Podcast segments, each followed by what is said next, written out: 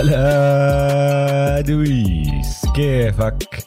هلا هلا أوجي. أهلا وسهلا فيك وأهلا وسهلا بالكل بالحلقة رقم 158 من بودكاست مان تمان على استوديو الجمهور.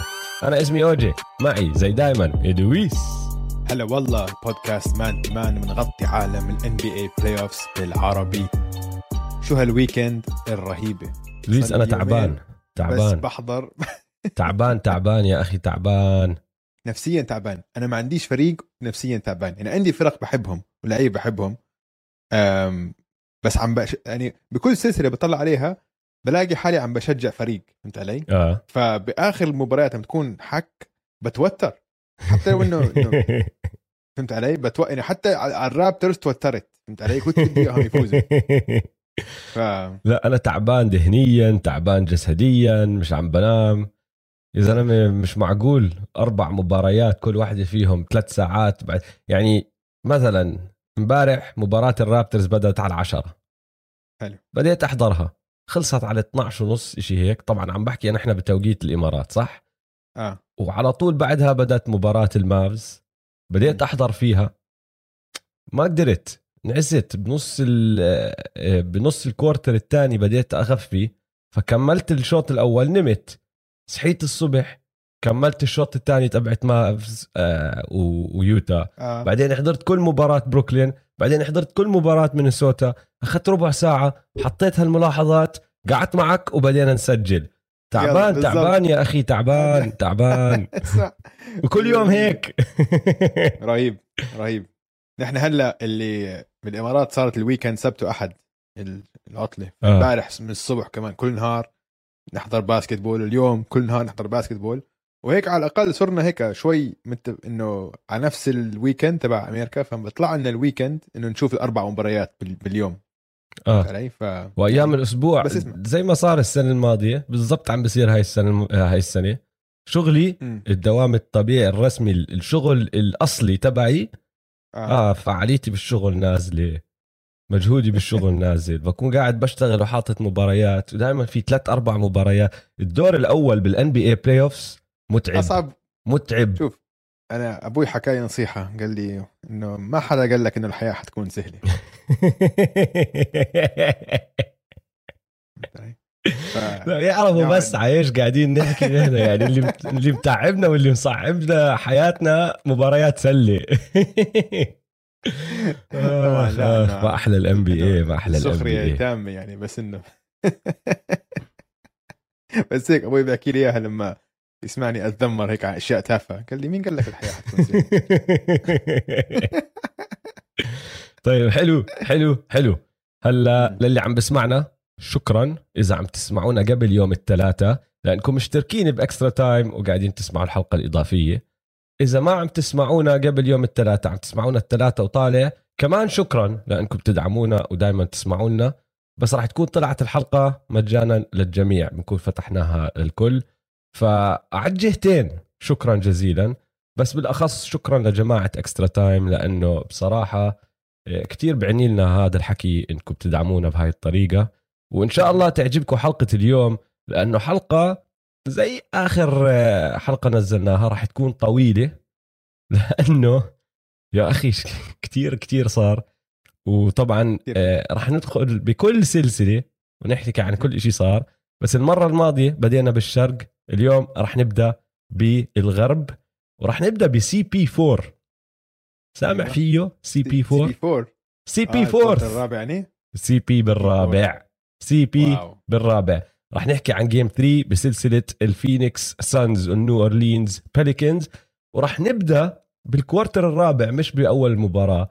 لأنه يا أخي ست دقائق باقي بهاي المباراة السانز متأخرين بنقطة.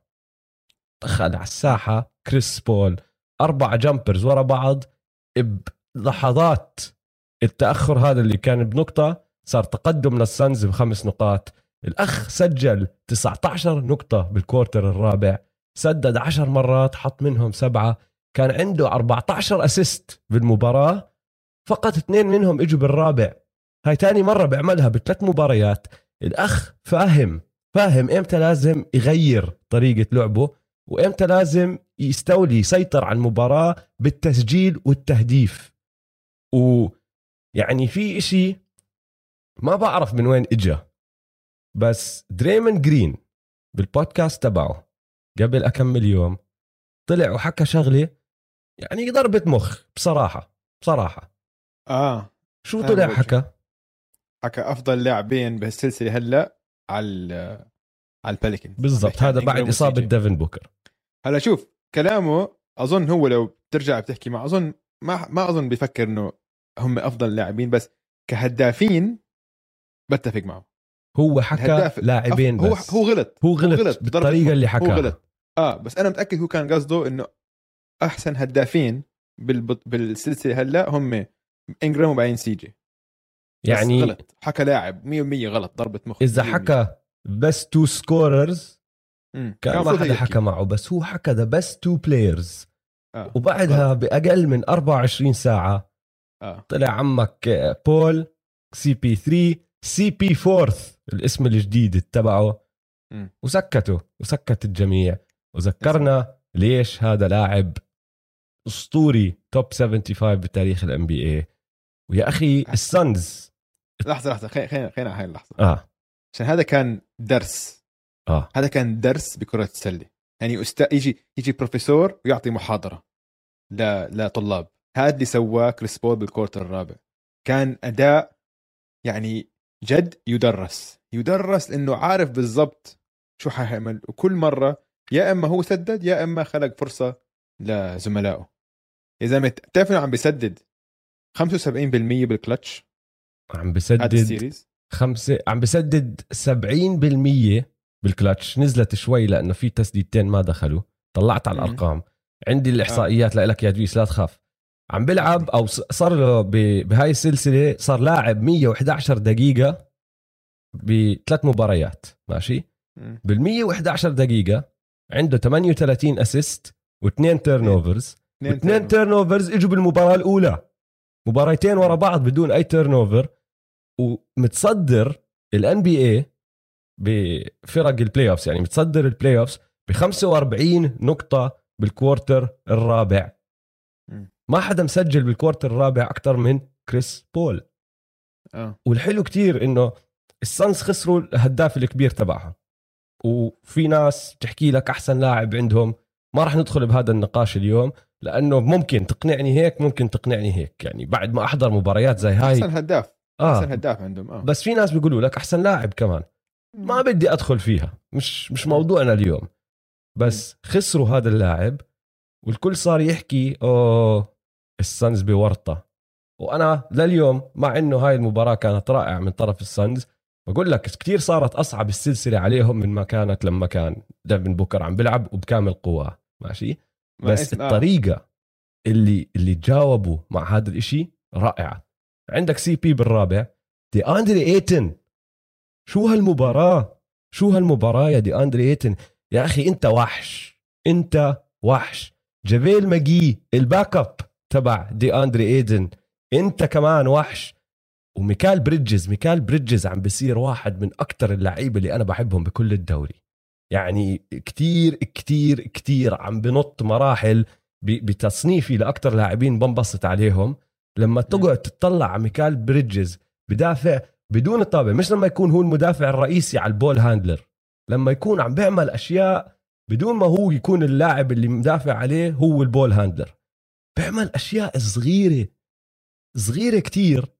ما بتبين بولا إحصائية ما بتبين بإشي بس بتأثر. شو بسموهم؟ ال winning plays مم. touch هون اصبعه بلمس الطابة بحركها. بدل ما تكون رايحة دغري بتصفي رايحة على اليمين أو على الشمال. حركة بسكر lane. بدعس يمين بدعس شمال. يا إخوان المرة الجاية لما يلعبوا هدول الفريقين المباراة الجاية اللي هي اليوم ليلة الأحد. حطوا عينكم على ميكال بريدجز على الجهة الدفاعية. لما ما يكون عم بدافع على اللي متحكم بالطابة. روعة. Yeah. روعة. روعة. وعلى الهجوم لعب منيح كمان. سجل 17 نقطة 9 من 9 من خط الرميات الحرة. فيعني كان عنده aggressiveness عم بدخل عم بخترق عم بدور على هال contact رائع. بس شوف ال- السلسلة اللي تغيرت. يعني احتاجوا أداء أسطوري من كريس بول ليفوزوا ال quarter الرابع. عشان التسجيل للبليكنز كان عم بيجي أسهل بكتير. السانز متغلبين بالهجوم. متغلبين. كان يحتاجوا 19 نقطة وأداء جد يدرس من كريس بول بال quarter الرابع ليفوزوا. ليه اللي يعني الواضح بالنسبة لي إنه كان الفريقين يعني ابد من بداية الرابع أوكي؟ كانت الطاقة والحيوية بال Pelicans كتير إيجابية. ال Suns كانوا متوترين. حتى طلع على شكل ديفن بوكر على ال bench معصب زعلان. فهمت علي؟ كلياتهم الفريق مش عم بيلعب بسلاسة. كل شيء كان صعب بالنسبة لهم أما هناك التسجيل كان سهل. كان انجرام عم يسجل كان سيجي عم يسجل. حتى بأول الرابع الفرادو كان آه، تسديدة تسديده مع كريس بول. متذكر؟ انت الفرادو بتعرف أول موسم. كان two-way contract مش drafted آه. آه. وهلأ عنده four-year. فالفرادو رهيب. فاسمع بأنه ال Suns فازوا هاي المباراة بس ال Suns وضعهم صعب خاصة إذا ال Pelicans حيضلوا يلعبوا بهاي الراحة وبهاي الحيوية عشان اللي بالنسبة لي كانت مباراة أنا كنت متوقع ال Pelicans يفوزوا. يعني بعد ما شفت أول ثلاثة quarters عشان ال Suns متغلبين كانوا بالأخير طبعا كريس بول اجى وقلب كل الموازين بس راح يحتاجوا أداء مثل هيك من كريس بول بس آه، ال ال أنا اللي أنا ما راح أتفق معك فيه هلا أنا بتفق معك إنه حيوية وطاقه ال Pelicans كانت رهيبة للرابع بس بالرابع اختفوا النجمين تبعونهم. يعني سي جي أحسن شوي من إنجرام. سي جي سجل تسع نقاط بالرابع وعمل اكم شغلة حلوة. براندن إنجرام دخل يلعب بالرابع لما كان ضايل ست دقائق و32 ثانية. ماشي؟ هاي أول غلطة. هاي غلطة من هاي غلطة مدرب آه. مش غلطة النجم لا. بس آه. بالست دقائق أو بالخمس دقائق بعد ما دخل سدد مرة واحدة. الزلمة سجل تسع نقاط بآخر 49 ثانية لما خلص كانت خالصة الجيم بس عم بحاولوا إنه يلحقوهم بس مش قادرين وما حدا خايف عليها كانت منتهية. انت هذا الفرق عامل الخبرة. أه؟ إنه ما كان في عنده ال point guard اللي عم يمشي اللعب الصح. يعني في مرتين بآخر دقيقة لاري نانس هو سدد ليش لاري نانس معه الطابه لاري نانس عم بيلعب سلسلة كتير حلوة. بس لاري نانس على الثلاثية مش أحسن تسديدة عندك. أنت لازم تعطيها كان لسيجي أو لبراندن إنجرام كل مرة. زي ما ال Suns هيك عملوا حطوا الطابة بإيد كريس بول. وهي أول هي أول شيء أول شيء إنه على الهجوم كان ال execution تبعهم غلط. ما كان عم ما عم بيعطوا الطابة لأفضل لاعب عندهم أو أفضل لاعبين عندهم لسبب ما. هاي عدم الخبرة. بس كمان على الجهة الدفاعية إذا أنت واضح إنه الفريق ضدك واحد فتح شوارع فيك. يا أخي ابعت double team وفتح الشوارع فيهم بطريقة كتير بسيطة. واسمع شو عم تستنوا على ال double بسيطة كانت. اطلب هالبيك. خلي خلي أي حدا تاني يغلبك. واضح بعد بعد ما جاء أول عشرة طيب ورا بعض. إيش ليه إيش استنيت؟ شو استنيت أنت؟ فأنا يعني كان هاي هدول عامل خبرة بين بهاي اللحظات. كان المفروض المدرب على السريع يسوي trap double team زي ما بيعملوا بكل النجوم.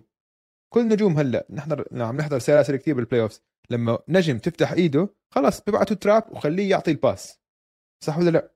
آه. ما انه لا هيك ولا هيك ال Pelicans آه بالآخر صفوا مسجلين سي جي وإنجرام مع بعض بال quarter الرابع 20 نقطة. زي ما حكيت أغلب نقاط إنجرام إجوا بال garbage time آه آه. إذا أنت النجمين الهدافين التنين تبعونك سجلوا 20 نقطة وكريس بول لحاله سجل 19 ما راح تربح أنت مباراة ما راح تفوز. ال quarter الرابع طبعا بنحكي نحن. بس آه، حلوة السلسلة مسلية. آه، فيها فيها حماس وفيها تنافسية ما كانت موجودة لما كان ديفن بوكر عم بيلعب. بس يا أخي سي بي شو بدي أحكي؟ شو بدي أحكي؟ آخر شغلة بدي أحكيها عن ال Suns وال Pelicans آه، أكثر لحظة طبعا كيفت عليها أنا. وكمان بتدل على قلة خبرة هذا اللاعب. جاكسون هيز. انحكى له كلمتين من جي كراودر. آه. ابصر شو حكى له بس استفزه كتير. لأنه وقتيها شفت أنت الدفشه اللي شمطوا إياها؟ آه.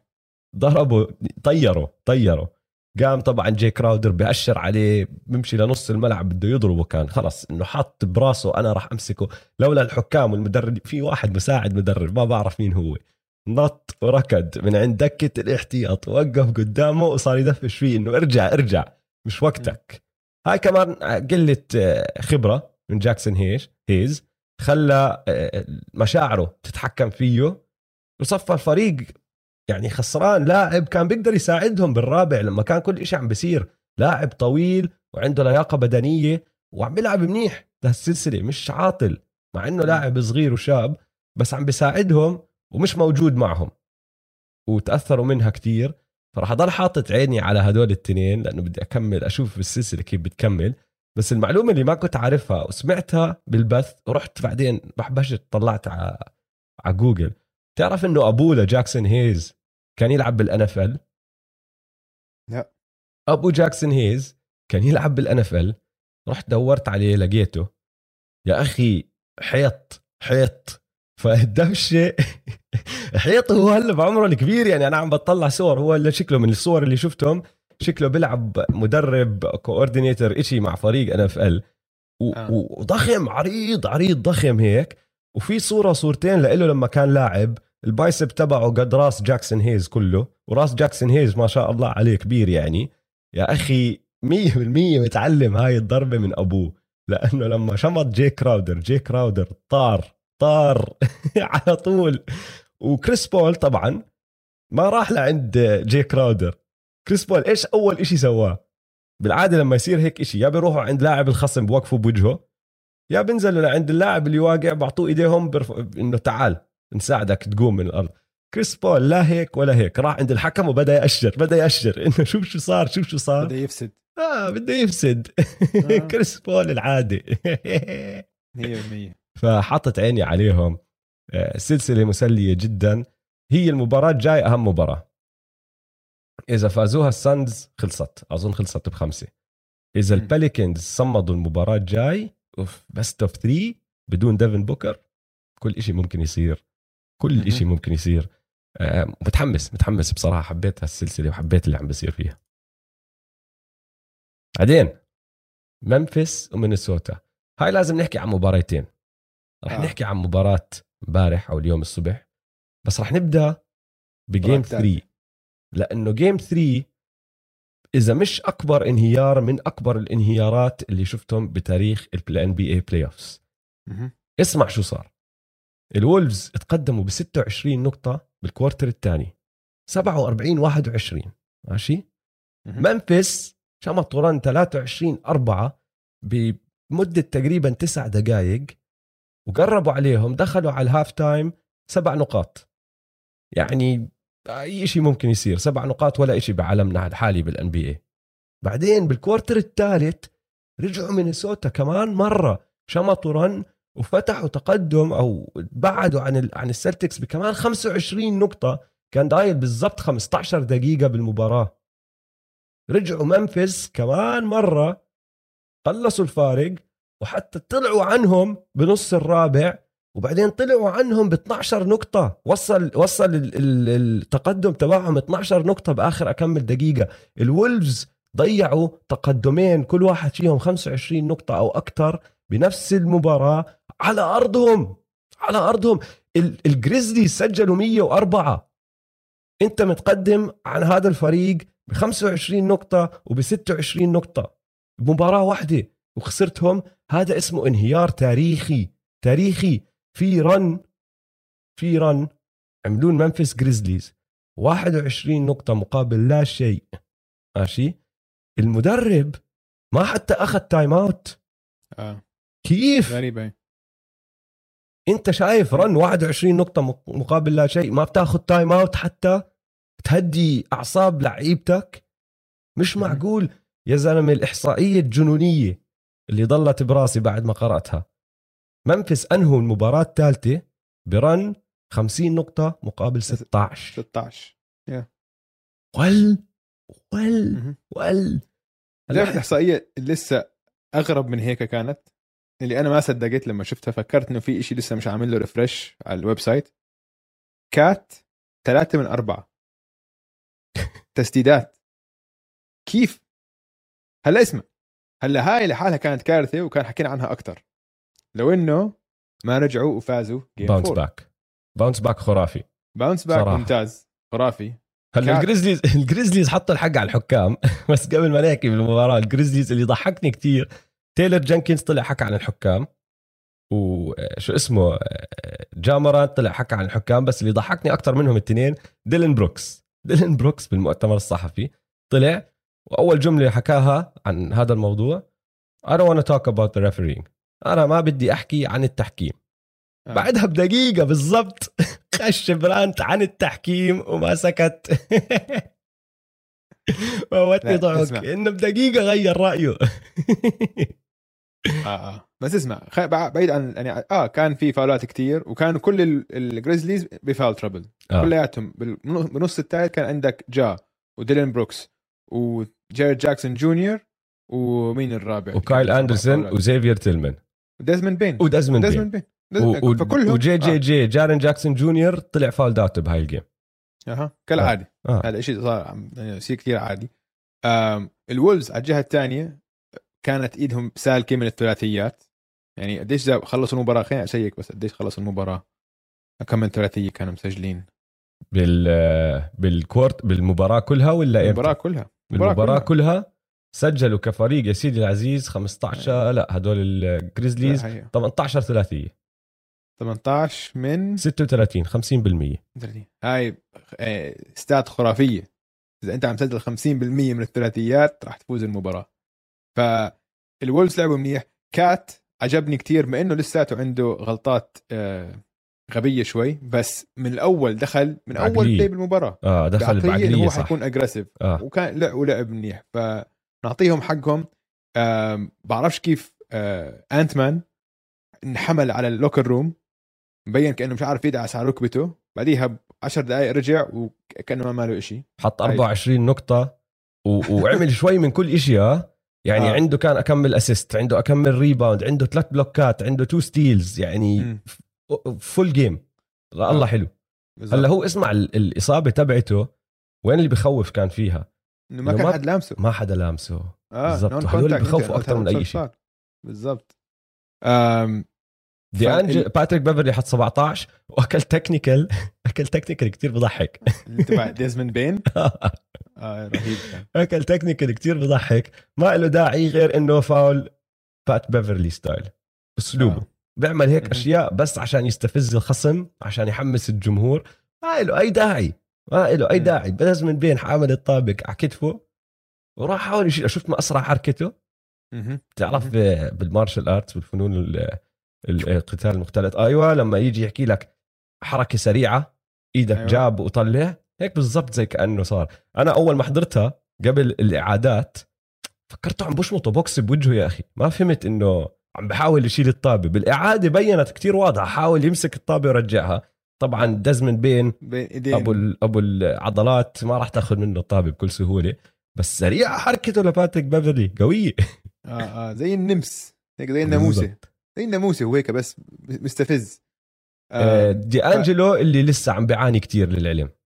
آه دي انجلو حتى بهاي المباراه آه ك scoring عم ك scoring. كثير بس عم بيمشي لعب منيح صراحة إنه عم بعطى كم من pass كويس.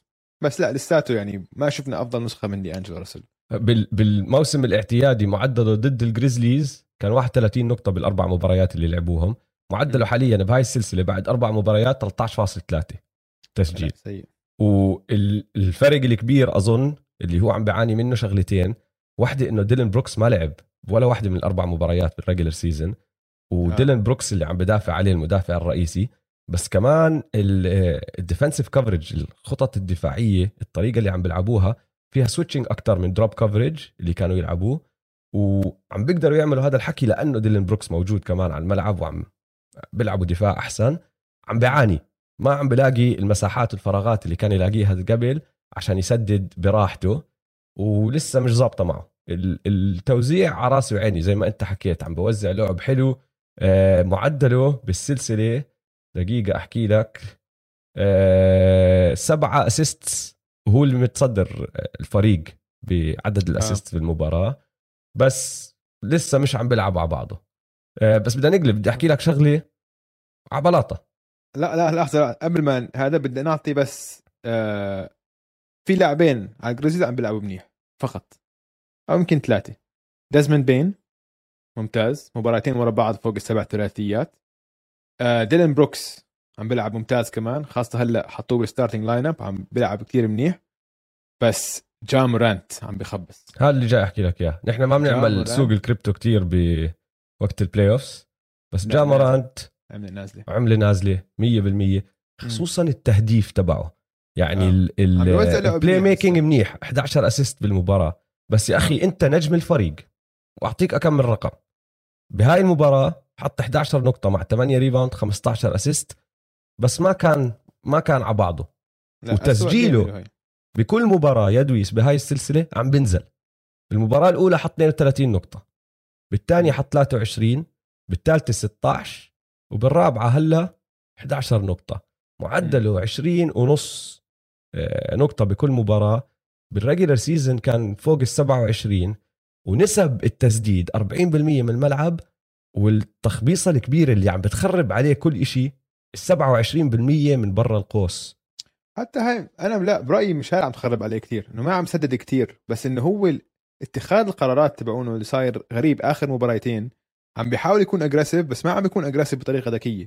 هو كان عادة لما يخترق كثير شاطر وكثير إنه آه، ذكي بقراءة الدفاع إنه إذا قرب عليك بدخل سلم إذا لا بيعمل floater هلأ بدخل ومش عارف شو حي- حيعمل بنط بس وبحاول يكسب الفاول وبحاول يعلق بالهواء ويسجل فهمت علي؟ هذا اللي ما كان موجود خلال الموسم كان دائما مبين حتى لأنه حتى لما يخترق ويقفز وهيك كان دائما مبين إنه في control هلأ عم بيلعب out of control فهمت علي؟ عم بخش على ال- على ال lane وبس بنط وبحاول يخترع شيء بالهواء.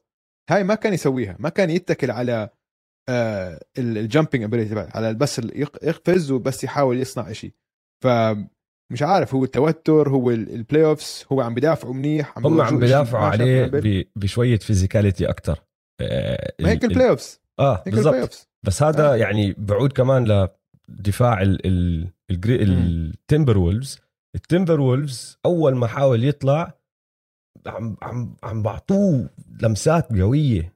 عم بشمطوه بالهواء قبل الهواء إيديهم كل محل أجسامهم كل محل. فما عم بيقدر يتحرك زي ما بده. بس بصراحة شوف ليش عملة نازلة كمان أنا عم بحكيها؟ لأنه أنت النجم يا جا. وزي ما راح نحمل كل حدا تاني وراح نوصل لواحد بالأخص اليوم بالحلقة بالجزء الثاني من الحلقة. زي ما راح نحمل كل النجوم. مسؤولية؟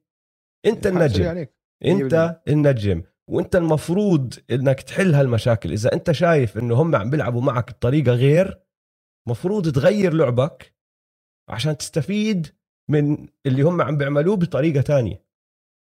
هلأ هو عم بيعملها من ناحية صناعة لعب بس ما راح تفوزوا أربع مباريات بسهولة إذا أنت عم تتكل على باقي الفريق يسجل وما عم تعمل إشي. لازم التسجيل تبعك يكون موجود. وإذا ما كان بمستوياته اللي وصلت فيها بال regular season مش ضروري. ما عم بحكي حط 30 نقطة بالمباراة بس 11 نقطة ب ب game 4 هاي لأ. صح. غلط. هاي حق عليك 100% وهو بيعرف هذا الحكي. يعني طلع بعد المباراة وحكى شغلة كتير واضحة وكتير سهلة. قال لك I can be honest right now I'm not جا right now. إنه راح أكون كتير صريح أنا حاليا مش جا صح؟ أنت مش جا مم. وإذا ما إذا ما طلعت حالك من السلامب هذا اللي أنت فيه يعني عادي نشوف الولفز راح يفوزوا هاي السلسلة. بصراحة. يا بتفق إيه شغلة سريعة. إحصائية أوجي السريعة. حلوة كتير. دازمن بين ثالث لاعب بالتاريخ ال NBA بسجل سبع ثلاثيات أو أكثر بمباراتين على التوالي. تعرف مين التنين التانيين يا دويس؟ أنا بعرف بس خلينا نسأل المستمعين. نعطيكم خمس ثواني لتجاوبوها عرفتوا؟ Splash Bros Splash كلي- Bros. كلي تومسون و ستيفن وارديل كوري اللي بوصلنا ل مواجهتنا الثالثة. قبل قبل مواجهتنا الثالثة. كان. transition كويس OG آه آه حلو حلو حلو. بس في شغلة ما بيصير يمر. ما حكينا فيها الحلقة الماضية وبصراحة ما بقدر أمشي كمان حلقة وما أحكي فيها. إيه. تعرف أحلى إشي بالدنيا اللي عم بيصير برا الملعب؟ ب... أهل أبو كات وأبو آه آه الصحبة جا. ال ال ال bromance اللي عم بيصير بين أبو كات وأبو جا كتير بضحك. كتير كتير كتير حلو لأنه هي بدت بالمباراة الأولى بفيديو. viral كان أبو جا قاعد بمحل وهداك قاعد بمحل ولما صاروا الفرق تلعب صار شوية trash talking وفي حدا من الجمهور مصورهم هذا واقف بيحكي اكمل شغله باتجاه هداك وهداك بجاوبه بعدين في ال game الثانية ESPN أو TNT أو ABC ما بتذكر مين اللي عم ببثها كان غصبوهم يعملوا شغلة ما زبطت. حطوهم مع كريس هينز. كريس هينز ماسك المايك قاعد بمشي المايك لهذا وعم بيعملوا trash talking battle زي ما تحكي. والتنين بخبصوا ولا واحد فيهم عارف يحكي صح. يعني بتوجع بتوجع العيون والدنين كانت. بس آه. بتضحك. بال game الثالثه والرابعة صفوا قاعدين مع بعض. ومبين كل ما يصوروهم مبين إنه كتير مبسوطين من ال ال ال الصحبة اللي عم بتصير إنه بيضحكوا مع بعض بس هذا يسجل هذاك بتطلع عليه بصير يضر فيه وبعدين بيرجع هذاك بحط. يعني في لقطة بآخر المباراة هاي كات حط ال score حطه على كانت 3 ال three الكبير اللي حطها بالآخر آه. حط الكاميرا على أبوه وأبوه مكيف وهذاك قاعد بضربه بظهره. وبعدها بالضبط بهجمة راح جاء حط سلم, سلم. راحوا كيفوا والتنين حطوا الكاميرا عليهم التنين قاعدين بعبطوا ببعض كمان مرة. فبس لازم أذكرها لأنه بتضحك كتير وهم كتير عكس بعض. أبو جا زيه هيك نحيف صغير بيشبه بتعرف مين فكرته أنا أول ما كان حطوا الكاميرا عليه؟ مين؟ مين, مين بيشبه؟ ما بعرف. أشر. آه بيشبه أشر صح. ما أنا فكرته أشر لما عم بحطوا عليه املك انه مين السليبرتي هذا؟ أشر 100% بيشبه أشر. لا هذا أبو جمال أبو جمال. وأبو كات ما شاء الله آه ما شاء مدور. مدور آه. مدور. فبس حبيت أعلق عليها هاي الشغلة لأنه بحب هيك أشياء. وكمان اسمع شفت ثاني مرة بتصير باقل من أسبوعين الاعتراض اللي صار بحدا من الجمهور نزل على الملعب. آه بس هالمرة شفتها بس شفت ما أسرع ال security guard والله إنه وحش. ردة الفعل.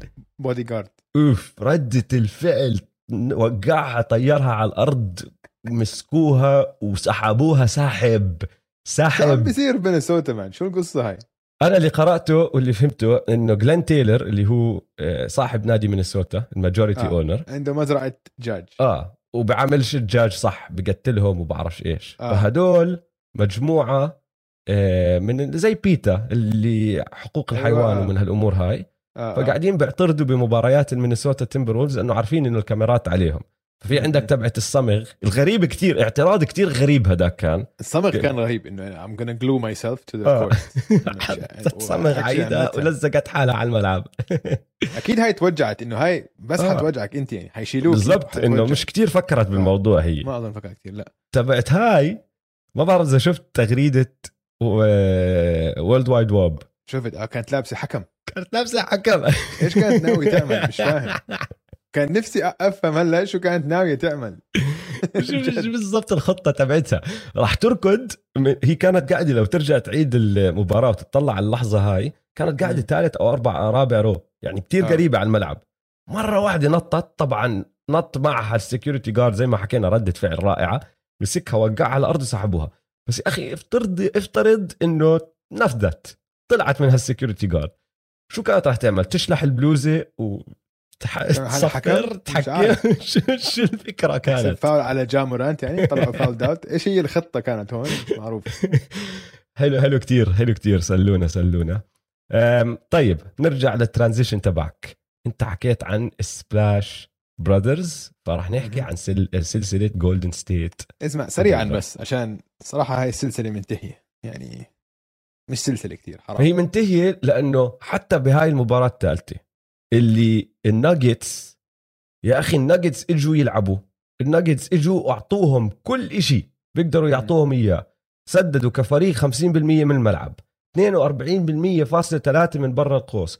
فازوا ال rebounding battle لموا 44 rebound مقابل 30 آرن جوردن وأخيرا لعب مباراة صح ويوكيتش يوكيتش حط 37 نقطة. 18 rebound وخمسة assist وعملهم بكل الطرق اللي بيقدر يعملها. لما بالعادة يعمل هيك إشي بفوز الفريق. post ups lay ups floaters أخذ ثلاث ثلاثيات حط منهم تنتين. ولا فرقت معهم. ال Splash Brothers 80 نقطة. 12 3 الثلاثة عم نحكي. هلا لما يا إخوان هلا من اليوم وطالع لما نحكي نحن Splash Brothers عم نحكي عن ثلاثة بطلنا آه نحكي عن اثنين. صح ولا لا؟ طبعا. آه. لا لا واضحة. بول وكاري وتومسون طبعا. بول؟ أوف. آه، ما بعرف إذا كلي ولا ستيف ولا دريمند اللي حكاها. بس حكى شغلة كتير صح. بول هو Splash Brothers لما كانوا صغار. لما لما بدت ال run تبعتهم كان لسه ستيف مش معضل. كان انحف كان سريع سريع سريع. كان كلي لسه مش طالع له لحية. مش مربي اللحيه تبعته. دريمن ما كان عنده شيب وحركتهم على الملعب ال ال الشباب كانت كتير سريعة acrobatic بيعمل أشياء. شفت السلم اللي بالآخر اللي نزل ونزل الطابة معه وبعدين رجع رفعها أعطاها twirl علقت شوي ونزلت. إنه هذا ما انحكى عنه كفاية السلم. أوف. هذا السلم كان درجة الصعوبه عليه 11 من 10 أوف. فهمت أوف. علي؟ أوف. وحطها وكمل عادي. إنه إيه؟ هل هي كانت هيك بوقت بوقت حساس كمان كان بيحتاجوا هاي ال bucket فهمت آه علي؟ هلأ قوي man اللي اجى كمان بالوقت الحساس لازم ينذكر دريمن جرين دريمن جرين هو ال ال ال المحرك تبع الفريق دائما بنحكيها بس الدفاع تبعه يا أخي بالكلتش عنده خمس. فاولات. ما في أي مشكلة أخذ steal مهم جدا مهم جدا من يوكيتش. ارجعوا عيدوا ال play يا جماعة. شوفوا عيونه وين. شوفوا عيون اسمع. دريمن جرين وين. سمعت سمعته هو بيحلل ال- ال steal هذه عشان على. البودكاست تبعه. هو آه. لسه عم عم بطلع حلقة كل أظن حلقة واحدة بالأسبوع أو حلقتين بالأسبوع هلأ. بس حلو كتير عشان عم تسمع ارائه هيك unfiltered خلال ال playoffs فهمت علي؟ ودريمون جرين عنده كتير حكي ينحكى. وبيحكي عن سلاسل تانية كمان فبودكاست حلو كتير اسمعوه. عم بحكي لك عن هاي ال steal. إنه إيش كان عم بفكر هو؟ فهمت علي؟ أول شيء بيعترف إنه أنا صراحة امبارح آه يوكيتش يعني كسرني إنه هي هو كسر. بصراحة بس بال play المهمة آه بس قال لي بالضبط قال لك بس وقتيها when he bumped me وأنا ما تحركت وكان هو ال dribble تبعه بعيد أوكي؟ فأخذ أول dribble ضله بعيد ال dribble dribble عالي وأخذ dribble ثاني قال إذا حياخذ الثالث عشان كان هو عشان he bumped him ما رجع لورا كتير. فقال إذا نزلت الطابة كمان dribble راح I'm gonna swipe at it و I'm gonna try to swipe at it عشان if I can آه الطابة بعيدة إنه ما حفول حتى لو ما أخذت الطابة. بعدين بقول لك إنه I got it so well إنه الطابة لفت لي ورجعت لي. قال لي مش بس إنه اي تابت إنه حطيت كل اصابعي عليها ولفت لما بعد ما أخذت التب رجعت لي كمان. فقال لي that's when I knew it was a good steal. انت ف- انت أنت متخيل قديش درجة التفكير أو سرعة التفكير والبديهة عنده؟ بهذا مم. الإشي وال IQ yeah. انت اللي عم تحكيه هو عم بفكره براسه بأقل من ثلاث ثواني آه هذا الحكي عم بصير real time بأقل من ثلاث ثواني ومخه هيك عم بفكر مم. رائع ودريمن آه. جرين أكثر واحد مبسوط على ال Splash Brother الثالث لأنه زي كأنه أعطيته لعبة جديدة يلعب فيها يعني ما حط غير ست نقاط بهاي ال game خمسة rebounds بس 10 assist انت آه. مرة واحدة هو أصلا فاهم الدنيا مع مع كلي و... و... شفت هاي على توزيع اللعب شفت ال 1 2 اللي مع ستيف اللي ستيف ضيعها بالأخير اللي عملوا أظن سبع باسات بين آه. بعض بهجمه واحدة آه. إنه مسكين أندرو آه أرن جوردن. شو هالكابوس؟ give and go give and go تك تك تك تك زي اسمع زي كيف كانت؟ زي أيام آه، ذكر برشلونة أول ما تيكي تاكا. دخل آه أو أي أول أيام التيكي تاكا لما كان زافي إنيستا وميسي إنه اللي يعني بيذبحوك باسات آه. هيك عم بيلعبوا دريمون جرين وستيف يعني. وهلا عندك آه Splash Brother ثالث يعني. ف... مكيف مكيف. انت معطيه لعبة جديدة تسلى فيها يا دريمند هو مبسوط آه. كتير. أم، بدي أذكر اسم أندرو ويجنز بس عشان إنه 3 تبعته. ممكن أهم تسديدة بالمباراة. والحلو فيها إنه قبل بأكمل ثانية من نفس المحل كان ماخذ وحدة وما دخلت وكان فاضي. وهو عم باخذها. لما رجعت. له على ال three هديك ولا فرقت معه. ستيف كاري حط السلم اللي خلص كانت bye bye. ونيم الكل. حط إيديه هون. وحكى لهم good night حط إيديه. وعمل حاله عم بنام. good night مش بس للمباراة good night للسلسلة يا جماعة. هاي done ما ما فيها ما فيها عودة. ممكن إذا فازوا ال game الجاي بس عشان يطلعوا بال gentleman sweep بدل ما يطلعوا بال sweep العادي. بس النقطة اللي بدي أحكي فيها لقدام. ماشي؟ إذا أنت. ستيف كير ما عم بتفكر تغير starting lineup شوي لأنه شوف شو صار بهاي ال game وما بعرف إذا لاحظتها ولا لأ. لوني كيفون لوني ودريمن جرين بدوا ال- الشوط الثاني مع بعض وبدوا طبعا المباراة مع بعض بس بالشوط الثالث إيه بالربع الثالث عفوا. في ثلاث دقائق ونص تقريبا بداية الثالث الهجوم ما كان راكب صح وهم الاثنين على الملعب. اضطر كر يدخل ستيف بسرعة. ستيف بالعادة عم بيستنى كان نص, ربع. آه. دخله على طول لأنه بالثلاث دقائق ثلاث دقائق شوي الوريورز الناجتس عفوا سجلوا 10 نقاط والوريورز بس نقطتين. أول ما دخل ستيف رجعت سلكت الأمور صار كل شيء أسهل عليهم. وبال round الجاي مين ما يكون الخصم تبعك؟ مينيسوتا أو ممفيس ما عندهم عملاق زي يوكيتش إنك تصفي أنت محتاج واحد بحجم كيفون لوني على الملعب. فأظن راح تصفي شايف تغيير بالتشكيلة الأساسية اللي هي ال three guard lineup ال Splash Brothers الثلاثة مع ويجنز ودريموند عم بيلعب محل ال center هاي بلا شك أفضل تشكيلة عندهم. آه. بلا شك. وزي ما أنت حكيت ما في أي م... أي خصم تاني عنده ال big المهم اللي لازم تغطيه زي ما عم تغطي هلأ. شو اسمه؟ آه يوكيتش. آه. فهذا 100% أفضل تشكيلة عندهم. سمعت ال nickname الجديد تبعهم؟ أيوه في كتير. تبع ال death تبع ال death line في كتير. هذا هو ال death lineup الجديد. سمعت أوكي. الدث لاين اب سمعت PTSD بي تي اس دي آه. بي تي اس دي آه BTS دي حلو. آه اللي هو پول تومسون تومسون دريموند ستيف ودريموند بس آه. أنا بصراحة حابب انت انت اقنعتني الأسبوع الماضي لما حكيت لي Splash Brothers وزدت عليهم بركة أنا خلص اقتنعت. ما ما بدي أغيره هذا هو ال nickname تبعهم. بالضبط صح 100% آه طيب آخر سلسلة بالقسم الغربي. كمان لازم نحكي عن الجيمتين game 3 و game 4 ماشي؟ آه. يوتا ودالاس. رح نبدأ ب game 3 أنا راح أحكي لك بس عن play واحدة. ما بدي أدخ أدخل بال game ما بدي أحكي افصفص ال game dunk سبنسر دينويدي على dunk على سبنسر دينويدي دينويدي على رودي جوبير لأنه هذا ال dunk. أظن هاي أحلى لقطة بالموسم كانت صح؟ هلأ هي انت لك أكيد أحلى لقطة بالموسم. بس يا أخي انسى ال dunk نفسه. كل إشي صار حواليه هذا ال dunk قبله وبعده كل المشاكل اللي عم بتصير مع اليوتا جاز بهجمة. وراح افصفص لك اياه ماشي؟ المافريكس كانوا عم بيلعبوا small ball الجاز لا لأنه رودي جوبير على الملعب. ال perimeter players تبعون الجاز تلخبطوا.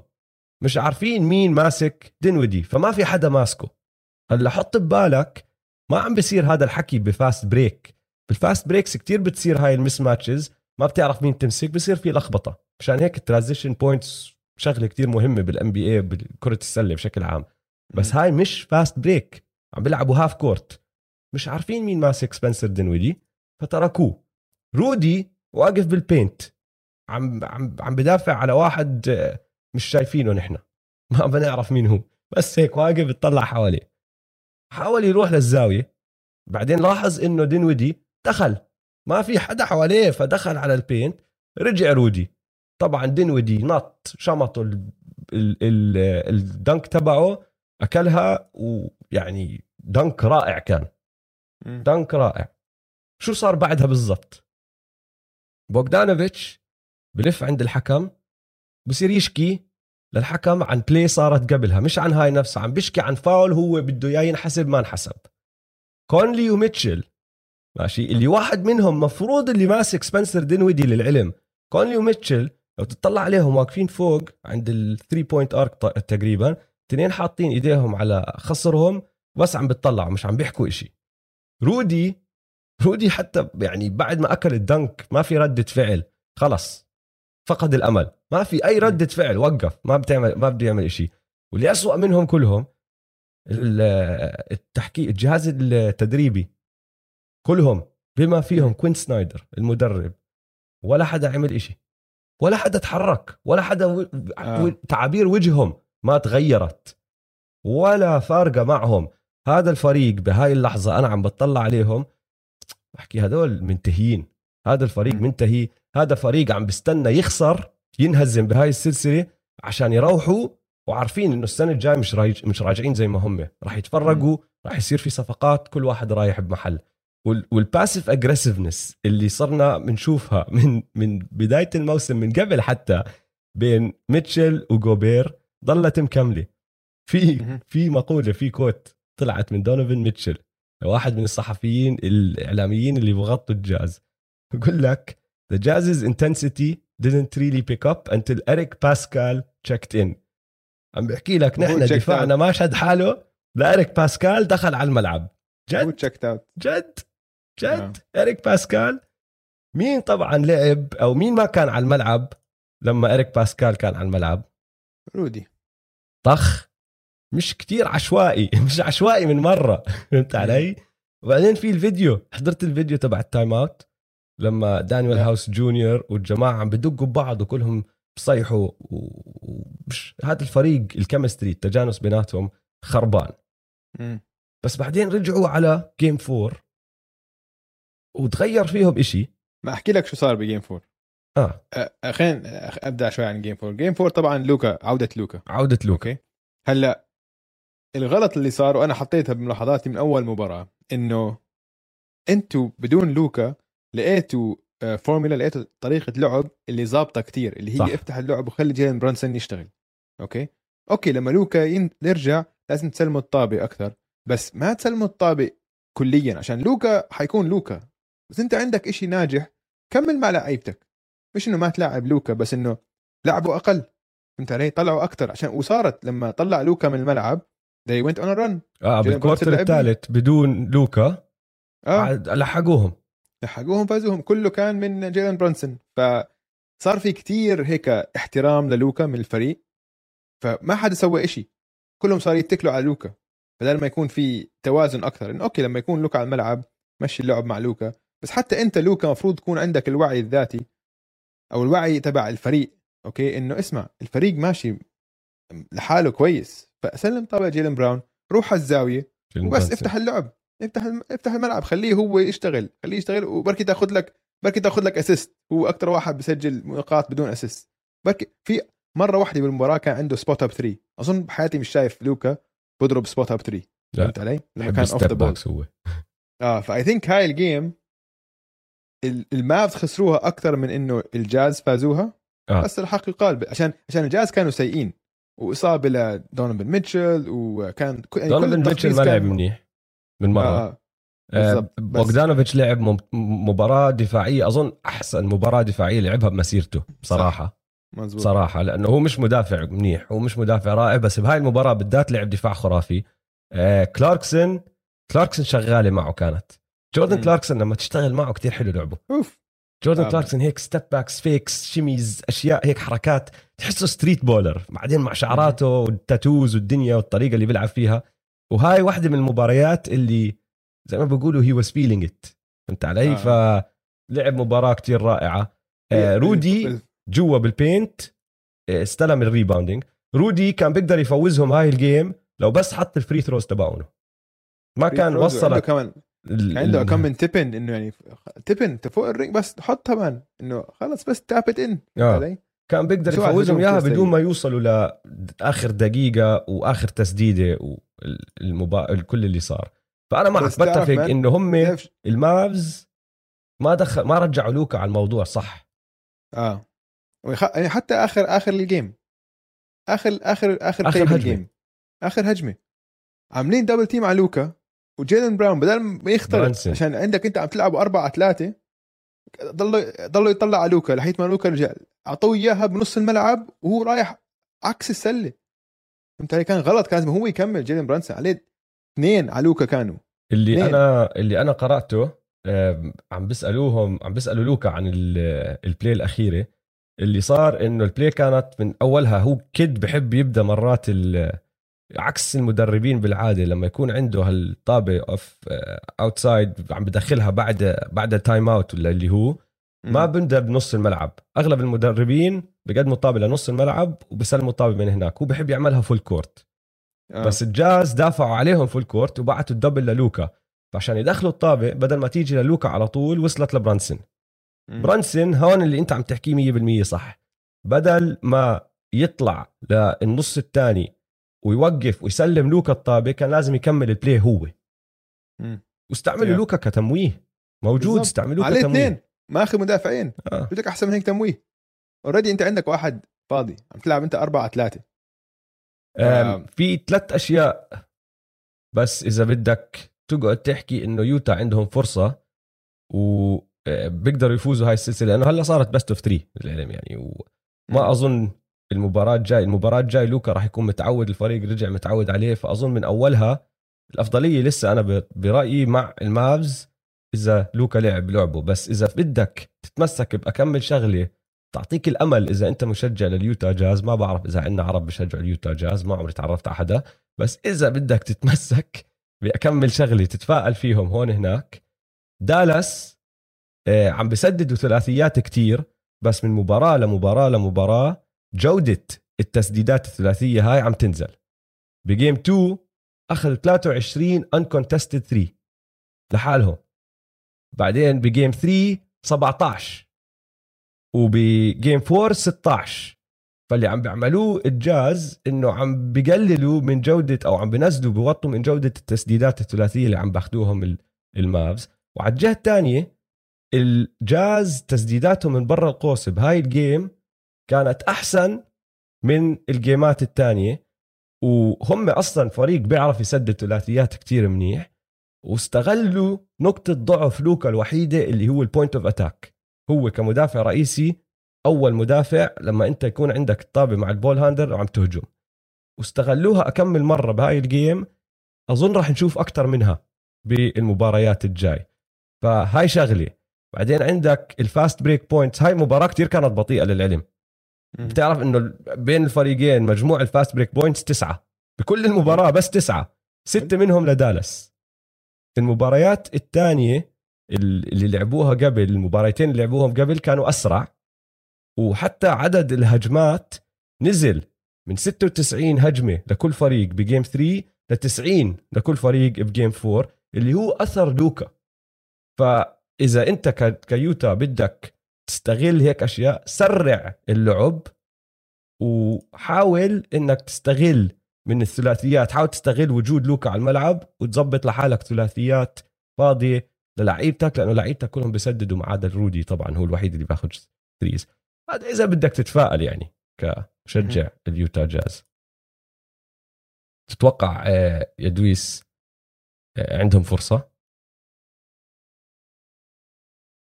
إذا بخبصوا هيك زي اليوم لا أظن لازم يسلم لعب لجين برانسون أكثر إنه عكس كل شيء بفهمه لوكا دونتشيتش.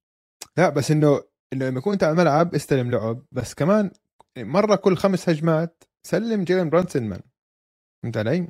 إنه ما حد ما عندهم ولا حد بيقدر يدافع عليه. آه. فخليه يشتغل. مشيه أكثر وآخر نقطة سخرية الأقدار يا لسخرية الأقدار. ميتشل doesn't pass to رودي خلصت خلصت ب alley-oop. خلصت ب alley-oop. دونيفن ميتشل لرودي جوبير. طبعا ما بتغير إشي. هم بيطلعوا حكوا اللي عندهم. إحنا الناس بتحكي عنه هيك هيك هيك. إحنا كلنا شايفين يا جماعة. هجمة واحدة ما بتغير إشي. رودي أول خمس دقائق من هاي المباراة ما كان عنده ولا لمسة على الجهة الهجومية ولا تاتش خمس دقائق كاملين مروا تقريبا. أربع دقائق وإشي. ولا تاتش تعرف إني اللي عم بصير شيء غريب معي إنه أنا عم بحضر صاير تحزن عرودي أحزن عرودي تخيل أنا أكثر واحد ما بحب رودي بس هلأ صرت أحزن عليه عشان جد الوضع ما عم بيساعده. و... واللي صاير ما أحبه كثير دونيفن ميتشل دونيفن ميتشل هيك إنه كنت أحبه كثير زمان هلأ هيك ال attitude تبعه غلط. حكيه اللي بحكيه بالصحافة ما ما عم بيعجبني. طريقته القيادية بحسها هيك بس عم تستفز لعيبة وبس دفاعه عم صاير زبالة. دفاعه زبالة بالضبط. زبالة. آه كثير عم بيعمل hero ball يعني راح ما يخسرهم المباراة هو اليوم. كان في آه. كم تسديدة كثير غلط. حظهم هم إنه ما بس هم خسروا هالمباراة هم ما فازوا المباراة. والله دويس آخر الزمن. تيم شايف والله؟ الزمن غدار. يا لسخريه الأقدار. طيب يلا time out وبنرجع بنكمل على القسم الشرقي.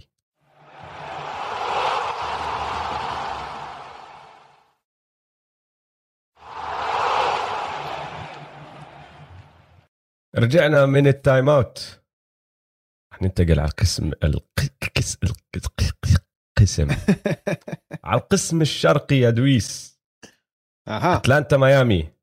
أتلانتا ميامي. شو رأيك؟ game 3 شو رأيك؟ game 3 مباراة تقدر تشرح شو صار فيها عن طريق نجمين. النجم الأول تري يونغ.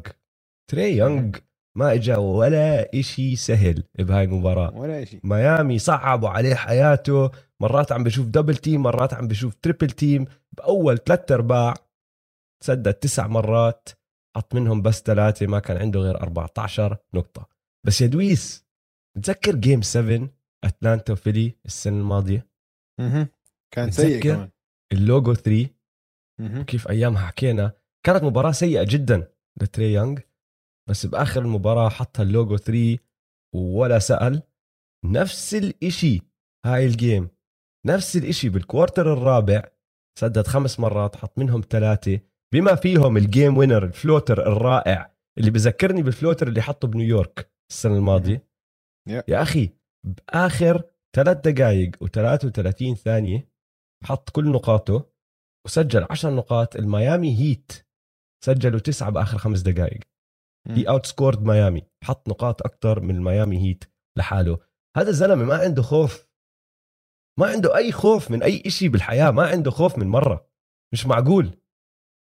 مش معقول. رهيب. بس تعرف مين كمان لازم نحكي عنه؟ عشان اللي بدونه كان ولا حتى وصلوا لهي المرحلة. بوغدان. بوغدانوفيتش. بوغدانوفيتش 100% بوغدانوفيتش man عم بيلعب سلسلة ممتازة. كان عنده مباراة واحدة خبص فيها. بس آخر مباراة عشان تري أول ثلاثة أول ثلاثة quarters ونص ما عم بيلعب منيح. تخبيص. الجهة الهجومية. تخبيص, تخبيص. و he's forcing it وعم, وعم آه. بيحاول. بوغدانوفيتش هو اللي عم يعني مخليهم بالمباراة. فهمت علي؟ حط حط ثلاثة من الثلاثيات الأربعة تبعته بالرابع. ولفترة بالرابع زي ما صار بال game اللي قبلها. هبرجت معه. هبرجت هبرجت. بوغدانوفيتش 100% بس كمان غيره للعلم. اوكونغو اوكونغو كان عنده تسع. نقاط. لعب لعب كتير حلو. ال- الاتلانتا هوكس كان عندهم خمس لعيبة سجلوا 10 نقاط وفوق. اوكونغو كان عنده تسعة. فاوكونغو 100% ورح نحكي عنه كمان شوي. بس ديلان رايت. ديلان رايت كان ممتاز. على الدفاع الجهتين. يا زلمة هذا hustler. ستة من ستة. ما فكح ولا تحت تسديدة. ماشي؟ آه. ال offensive rebounding تبعه خرافي جدا. put backs tip ins كل هالأمور هاي. وعلى الدفاع يا أخي ال deflections الحركة حتى صناعة اللعب على الهجوم كمان. باسات لل open man. لعب لعب لعب كتير حلو. واللي اللي بضحك إنه لولا إصابة لو ويليامز ما أظن كان لعب. إجت فترة هذا الموسم ما كان عم بلعب ما كان أصلا داخل rotation الأتلانتا هوكس لأنه ما بيحتاجوه كانوا أو مش عشان ما بيحتاجوه هلأ عم ببين إنه ممكن كان استفادوا منه. بس ما كان عم بيلعب لأنه ماكميلن عنده لو ويليامز هو الشخص اللي بدخل off the bench كال lead guard بعد تري. بس لعب لعب كتير حلو آه، ديلان رايت. فالأتلانتا هوكس كلهم لعبوا منيح. حملوا الفريق لنص ال quarter الرابع لما شرف وبين صاحبنا تري يونغ اللي بدون خوف وسكت. الكل بال- بال floater تبعته. آه، سألني متابع على تويتر. تري يونغ أحسن floater بال NBA طيب أظن فكرت فيها. أكيد من أحسن ال floaters بال NBA من ناحية إحصائيات تايوس جونز. ال back up آه بس ما باخذ جا مورانت بس بياخذ أقل بكتير. آه. فآه نقدر نحكي إنه تري هو آه. أحسن floater بال NBA أنا بحكي آه وبتعرفوا قصة آه تري يا جماعة؟ حلوة كتير. ال floater تبعته جاي من ورا أبوه. لما مم. كانوا صغار كانوا دائما يتدربوا آه ملاعب السله اللي عندهم بالحارات عشان أبوه عم بدرب تري عشان بده إياه يطلع لاعب NBA وبده يزبطه شو كان يعمل؟ كان يخليه يس- يسدد عليه وهو حامل مكنسة ورافع آه. آه. المكنسة عشان تري يتعود يسدد فوق عمالقة وهذا آه. آه. الحكي من هو فص صغير فالزلمة ما بخاف لما يجيك واحد عملاق طوله 7 foot مع بعرفش قديش 7 foot إشي wingspan لأنه متعود من هو صغير إنه في مكنسة لازم يشوت فوقيها هلا صار إنسان عادي ما فرقت فتري يونغ أنا معك اظني أحسن floater بال NBA فالأتلانتا هوكس أبدعوا على راسي وعيني ونجمهم تري يونغ وهي قصته. ما لعب منيح من بداية اللعب من بداية المباراة للنهاية بس بالنهاية أبدع. اللي عكسه تماما جيمي باتلر. جيمي باتلر بعد game 2 مدحناه قلنا أوف شو هالمباراة الرائعة.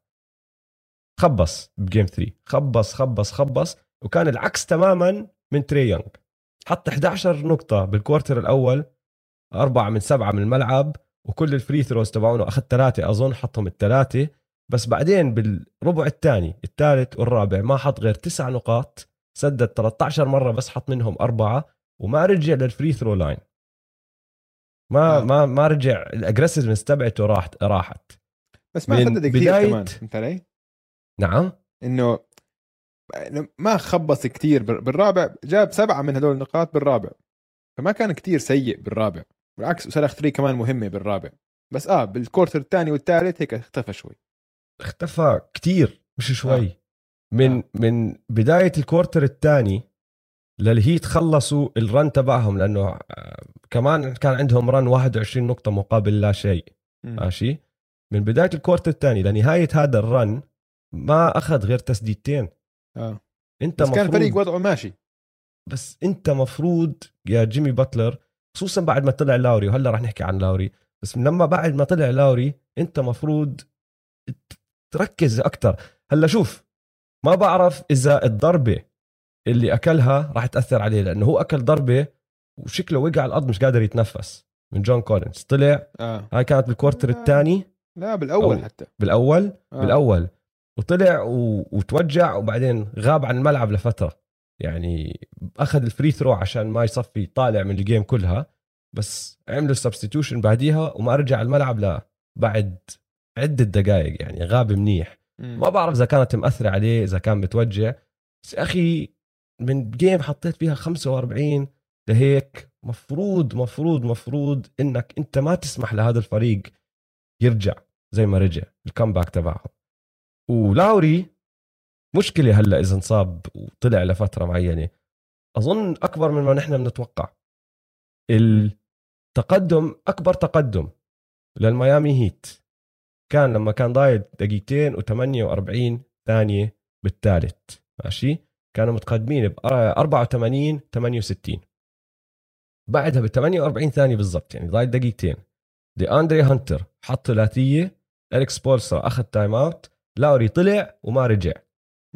بآخر 14 دقيقة يعني كل ال quarter الرابع والدقيقتين الضايلين بهاي بهذا الربع أتلانتا سجلوا 14 نقطة أكثر من ميامي. ولاوري حسينا الفرق معه بدونه. مع إنه مش هداف بس الطريقة اللي بيسهل كل اللعب على كل حدا بينت واضحة. وميامي قد ما عم بيلعبوا منيح بال playoff إذا بدك تعلق على شغلة نقطة ضعف عندهم إياها إنه هجومهم مش سلس. صح. لسه بيستصعبوه شوي. م. ولاوري لما يكون على الملعب بيساعدهم هذا الإشي.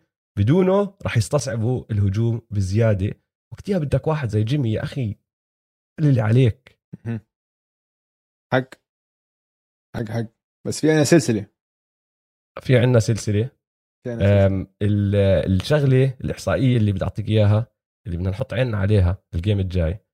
أوكونغو شو بسيرته أنت؟ لعب 24 دقيقة رح تحكي عن ال rebounds تبعونه؟ بدي أحكي عنه بشكل عام ماشي؟ آه. لعب 24 دقيقة بهاي السلسلة الهوكس سجلوا في هدول ال 24 دقيقة 19 نقطة أكثر من الهيت م. الهوكس أنهوا المباراة زي ما حكينا ب run 43 26 وكان ال lineup اللي موجود small lineup كانوا عم بيلعبوا مع أوكونغو ديلون رايت بوغدانوفيتش على نفس نفس الوقت على على أرضية الملعب مع كيفن ويرتر وتري يونغ. هلأ هم بيبدوا المباريات بكون في عندك جون كولينز ودانيلو جاليناري الأساسيين خصوصا هلأ لأنه كابيلا مش موجود. أظن راح يرجع ال game الجاي. بيقولوا ممكن يرجع للمباراة الجاي بس مش مأكد يكون. لسه.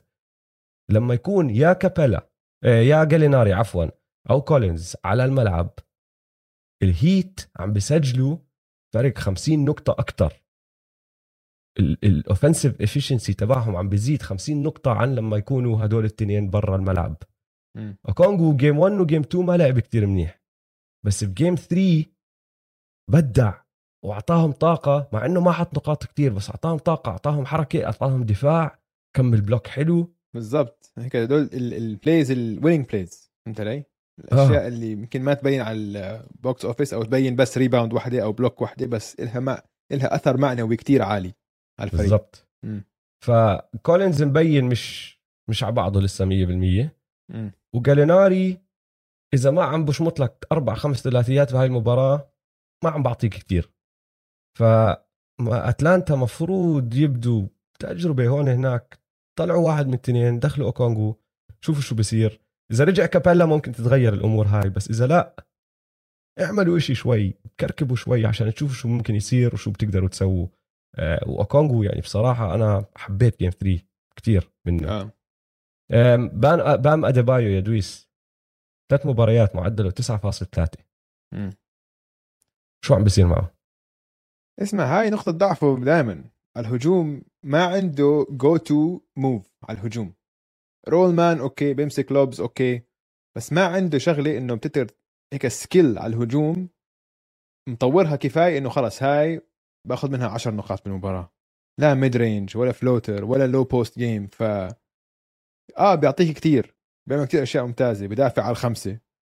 playmaking ممتاز خاصة من ال high post بس ما عنده ال go-to move هاي على الهجوم. وهاي نقطة ضعفهم ترى. هاي نقطة ضعفهم اللي ما طورها لسه كفاية. آه، في لقطة بال quarter الرابع. مسك الطابة لثمان ثواني. ضله ماسكها ما أخذ ولا dribble وبعدين shot تسديدة 2 long range 2 contested. عليه المدافع. ما عرف ضله ماسكها ما عرف شو يسوي فيها. آه. ما كان عنده عقليته ما كانت عقلية رح اطلع عن المدافع تبعي. عقليته كانت أنا عم بستنى إشي يصير ما صار إشي shot. وهاي يعني إذا أنت أتلانتا هذا اللي بدك إياه هاي perfect defensive position لإلك. بالضبط آه. إنه بام أديبايو عم باخذ contested 2 خدها. أنا راح أقبل. إذا غلبتني هيك أنا قابل. بدنا نسوي. فهلا كمان مع شغلة لاوري بدنا نشوف لازم كمان يشد حاله يعني 9.3 كتير قليل حتى لو هو مش scorer حتى لو ما عم نحكي يحط 18 17 ولا اللي هو. لا بدك لازم. تحط 15 نقطة. easy لازم نتحسن على الهجوم. لازم. 100% آه بوسطن oh my وبروكلين God oh my God شو عم بصير أنا بحكي لك. بدك أرقام؟ بهدلة. بدك أرقام؟ بهد مش عارف نخش بأرقام هيك أولها؟ الأرقام راح تشرح لك كتير راح أعطيك الأرقام راح افتح يعني زي من طيب. اللي بحط لك ال- السجاد الأحمر. أنا طيب، عم بحط لك السجاد عشان- الأحمر بالأرقام. عشان عندك لازم وخش. okay احكي لي احكي لي. ماشي. بال playoffs هاي السنة لو تطلع على تصنيف كل اللاعبين اللي عم بيلعبوا بعدد المحاولات أو التسديدات من الملعب كيفن دورانت رقم 14 كايري ايرفينج رقم 18 كل اللعيبة اللي عم بيلعبوا بال playoffs آه بمعدل التسديدات بكل مباراة المحاولات بكل مباراة. معدل التسجيل بكل مباراة. كيفن دورانت رقم 22 كايري ايرفينج رقم 25 بس عشان تعرف أعطيك مث- أمثلة لبعض اللاعبين اللي أعلى منهم التنين. بعدد النقاط اللي مسجلة بكل مباراة معدل النقاط اللي مسجلة بكل مباراة. دزموند بين بويان بوغدانوفيتش تايريس ماكسي ونيكولا فوسيفيتش كلهم معدلهم أعلى من هدول التنين. بعدين تعمق شوي أكثر يا دويس. ال quarter الرابع. بالتسجيل تهديف معدل النقاط ال- المسجلة بال quarter الرابع بين كل لعيبة ال playoffs هاي السنة.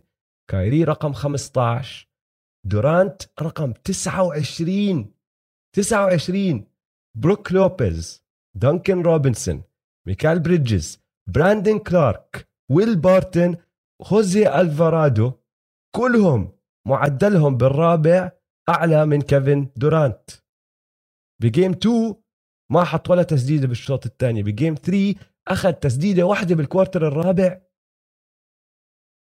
ما بيصير. ما بعرف شو هاد؟ ما بعرف شو عم بصير هذا مش كيفن دورانت.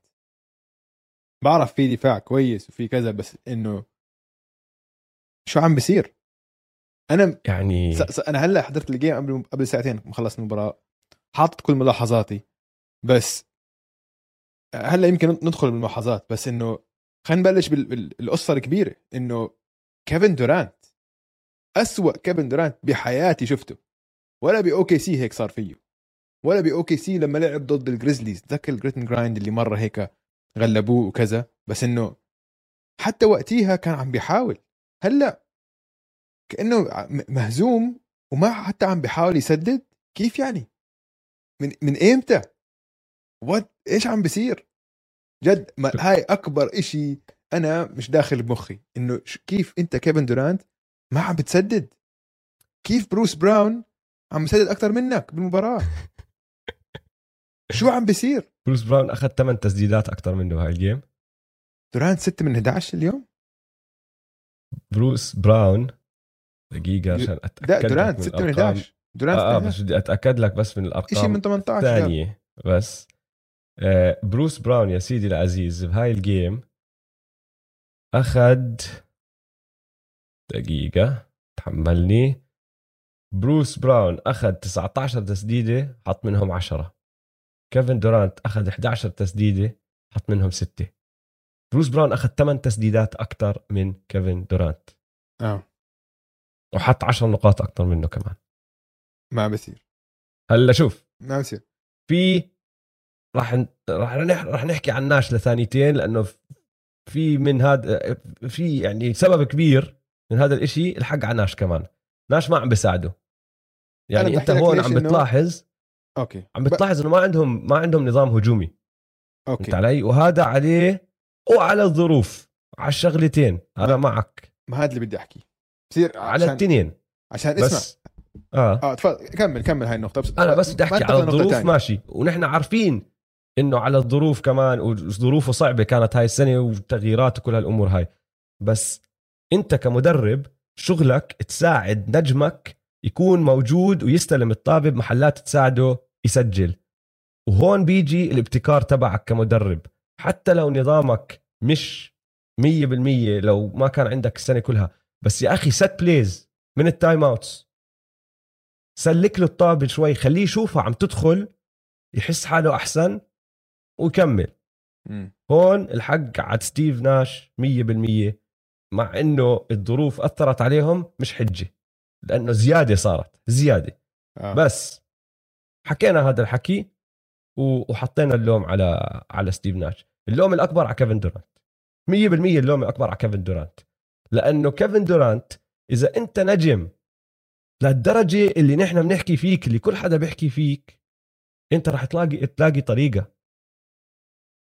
آه. تساؤلنا قبل بداية الموسم أو بداية ال playoffs لما أنا قعدت أحكي في تغريدة طلعتها وعم بتساءل بحكي في قصص في تساؤلات بدي أعرف جوابها. مم.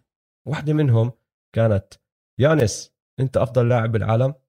علامة استفهام علامة سؤال. مم. وتحتها دورانت هل أنت أفضل لاعب بالعالم؟ أفضل لاعب بالعالم ما بصير فيه هيك. مستحيل يصير فيه هيك. مم. مستحيل. أفضل هداف بالتاريخ عم تحكي لي بروس براون عم بحط أكثر منك؟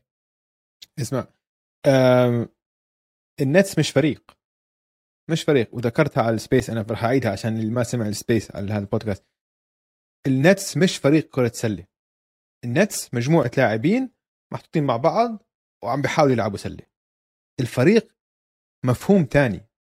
الفريق المتجانس المضبوط فريق بيحارب مع بعض في ح- في له في له هوية له روح للفريق. هذا الفريق من وقت ما جابوا كيفن دورانت وكايري ايرفينج و ودمروا كل شيء كانوا عم بيبنوا فيه وبناه كيني اتكنسون لمدة ثلاث أربع سنين. كان عم بيبني إشي كتير حلو وكتير مرتب كيني اتكنسون لما جاب النتس بعد ال- ال trade الكارثية مع بوسطن لما رجعوا عمروا النتس وعمر أساسات النتس وعمر هوية للفريق. لما قرر كيفن دورانت وكايري يجي إجوا على النادي. وكمان استولوا على النادي. كيف لبران عم نحكي نحن بنلومه على تخبيص الليكرز؟ أنا لازم ألوم كمان كيفن دورانت وكايري على التخبيص اللي صار بالإدارة تبعت النتس. وفي كتاب قلت لك عنه بحكي لك تفاصيل قديش هم متحكمين بكل شيء وراء الكواليس. اللعيبة اللي بتيجي وبتروح المدربين اللي بتيجي بتروح هم بعد أظن شهر أو شهرين طلعوا كيني اتكنسون كيني اتكنسون كان أكثر واحد محبوب بكل ال... الشركة. فأنت لما لما تشيل هاي العناصر المهمة اللي وراء الكواليس في كتير أشياء مهمة بالنادي وراء الكواليس. كلهم شالوهم دمروا كل شيء وبس جابوا أصحابهم. آه، دياندري جوردن آه، بليك جريفن آه، جيمس هاردن طلع كل ال draft picks طلع كل ال- ال talent الصغير جاريت آلين كاريس ليفرت سبنسر دينويدي كله كله اشحن لبرا تك تك تك تك. هلأ أنت صفيت فريق بدون هوية. عم تتكل على نجمين وما عندك أي شخصية ابدا كفريق أنت. وعلى الجهة الثانية عندك العكس تماما. العكس تماما. نادي مرتب إدارة مرتبة فريق بيلعب مع بعض ونجمين هلأ عم بتألقوا وعم بورجوك ليش نحن الجيل الصاعد. يعني جيلن براون وجيسون تيتم كثير عم بتفوقوا على كيفن دورانت وكايري ايرفينج بهاي السلسلة. 100% دفاع دفاع السلتكس ما بدي أقلل منه لأنه هو سبب كبير كتير آه. اللي عم بيصير بكيفن دورانت مع إنه أنا هلا حكيت كيفن دورانت مفروض تلاقي طريقة بس دفاع السلتكس وقراتها بمحل حبيتها كتير. ماشي؟ واحد شبه اللي عم بيصير بكيفن دورانت بواحد ملاكم عم بضل ياكل body blows عم بضل ياكل ضربات على جسمه. فهمت علي؟ فأنت قبل ما تستلم الطابة قبل ما كيفن دورانت يستلم الطابة بكون عم عم بحاول يلف حوالين screen عم بتوجع عم بضربه واحد عم بشد عليه واحد. ما عم بيلعبوا لعب خشن برا القوانين بس عم بيلعبوا لعب خشن. علي playoffs basketball فقبل ما أصلا يستلم بكون ماكل قتل وعم بيعمل هذا الحكي طول المباراة من بدايتها لنهايتها ما عم بيريحوه ولا ثانية. فهو كمان جسمه لياقته كل إشي عم بتأثر وعم بستصعب. وهذا هون مدح أنا عم بحكي للسلتكس. ما اسمع روعة. وعلى هاي النقطة كمان أوجي. KD عم بتردد. عمرك شفت KD بتردد؟ لا عم بخاف. كم من كم من turnover هيك إنه بيوقف dribble بيمسك dribble عم عم بيشوف وين يعطي الطابة. ومان في كم من مرة يعمل two dribbles inside the lane اللي هاي pull up 99% من الوقت. بروح بيعطي pass أو بيوقف بيطلع وراه. يعني ملخوم على العادة. مش كيفن إيش إيش اجى حكى بعد game الثالثه هلا؟ بقول لك أنا بعد ما حضرت ال tape بعد ما حضرت الفيديو تبعت ال game الأولى والثانية لاحظت إنه في عندي زملاء فاضيين لما أنا أكون ماسك الطابة كان مفروض أعطيهم باسات بعدين عمل over correction يعني بدل ما يعدل شوي طريقة لعبه عشان يفتح اللعب للناس التانيين صفى كل لعبه هيك. م. أنت عم تجيب سيرة ال turnovers كان عنده ستة turnovers بالمباراة الأولى والمباراة الثانية. هاي أول مرة بمسيرة كيفن دورانت بيكون عنده ستة turnovers بمباراتين ورا بعض بال playoffs ما عمرها صارت معه. م. بالمباراه الثالثة كان عنده خمسة مش إنه صعد حاله كتير ووطى الرقم كتير. لسه خمسة. التردد موجود. بس هون السؤال اللي ما بنعرف لسه جوابه. بول بيرس شفت تغريدته؟ شفت طبعا. okay. للي ما شافها بول بيرس طلع بتغريدة وحكى أظن نحن عم نشوف جيسون تيتم بيطلع عن كيفن دورانت بتصنيف أفضل لاعبين الدوري قدام عيوننا مباراة ورا مباراة. واللي عم نشوفه هلا صعب إنك تناقشه صعب تحكي لا. ما راح أحكي لك آه مية بالمية بس كمان ما عم بحكي لك لا. ويعني بصراحة قاعد بفكر فيها كتير وحابب أحكي له آه. عندي خوف في خوف جواتي أحكي آه بس عشان تاريخ KD. بس فكر بتاريخ KD. KD بعد ال Achilles رجع انصاب بال MCL وما عم يعني الزلمه كبير. نسبيا طبعا عم نحكي نحن بالنسبة للعيبه ال NB ماشي؟ لعب دقائق كتير. هاي هاي السنة خصوصا نهاية السنة مش كل السنة بس بنهايتها لأنه كانوا محتاجين كل دقيقة عم بيلعبها عشان يدخل ال playoffs أصلا. م. ومع الإصابات وتراكم الإصابات والدفاع الخشن اللي عم بشي إيه، جسمه عم بنهار بلكن عم نشوف عم نشوف بداية ال ال ال decline يعني عم نشوف جيسون تيتم عم بدخل بعزه هلا. هل عم نشوف كيفن دورانت عم بيطلع من عزه. شوف عم نشوف جيسون تيتم بدخل بعزه 100% لكن هل عم نشوف كيفن دورانت ينحدر مستواه؟ لا. بس كرة السلة إذا team game كيفن دورانت ولا عمره كان playmaker هذا مش دور لكيفن دورانت. كيفن دورانت scorer وفقط مش playmaker ما بيرفع مستوى اللعيبه اللي معه عشان هيك ولا عمره اتقارن بلبران جيمس على مستوى ال greatest إنه لبران جيمس كتير أفضل منه على مستوى greatest of all time كم مرة تفوق. حتى لما أنا بالنسبة لي حتى لما انتصر عليه بال بال finals بالوريورز يعني ما حسيت إنه والله كيفن دورانت أفضل من لبران جيمس. عشان لو بتعكس أماكنهم حطيت كيفن دورانت حتلاقي ال ال ال الكافز ليبرون جيمس على الوريورز كان بالعكس كانت الكافز ما وصلوش لل final ولا حتى يمكن وصلوا لل semi-final بال East.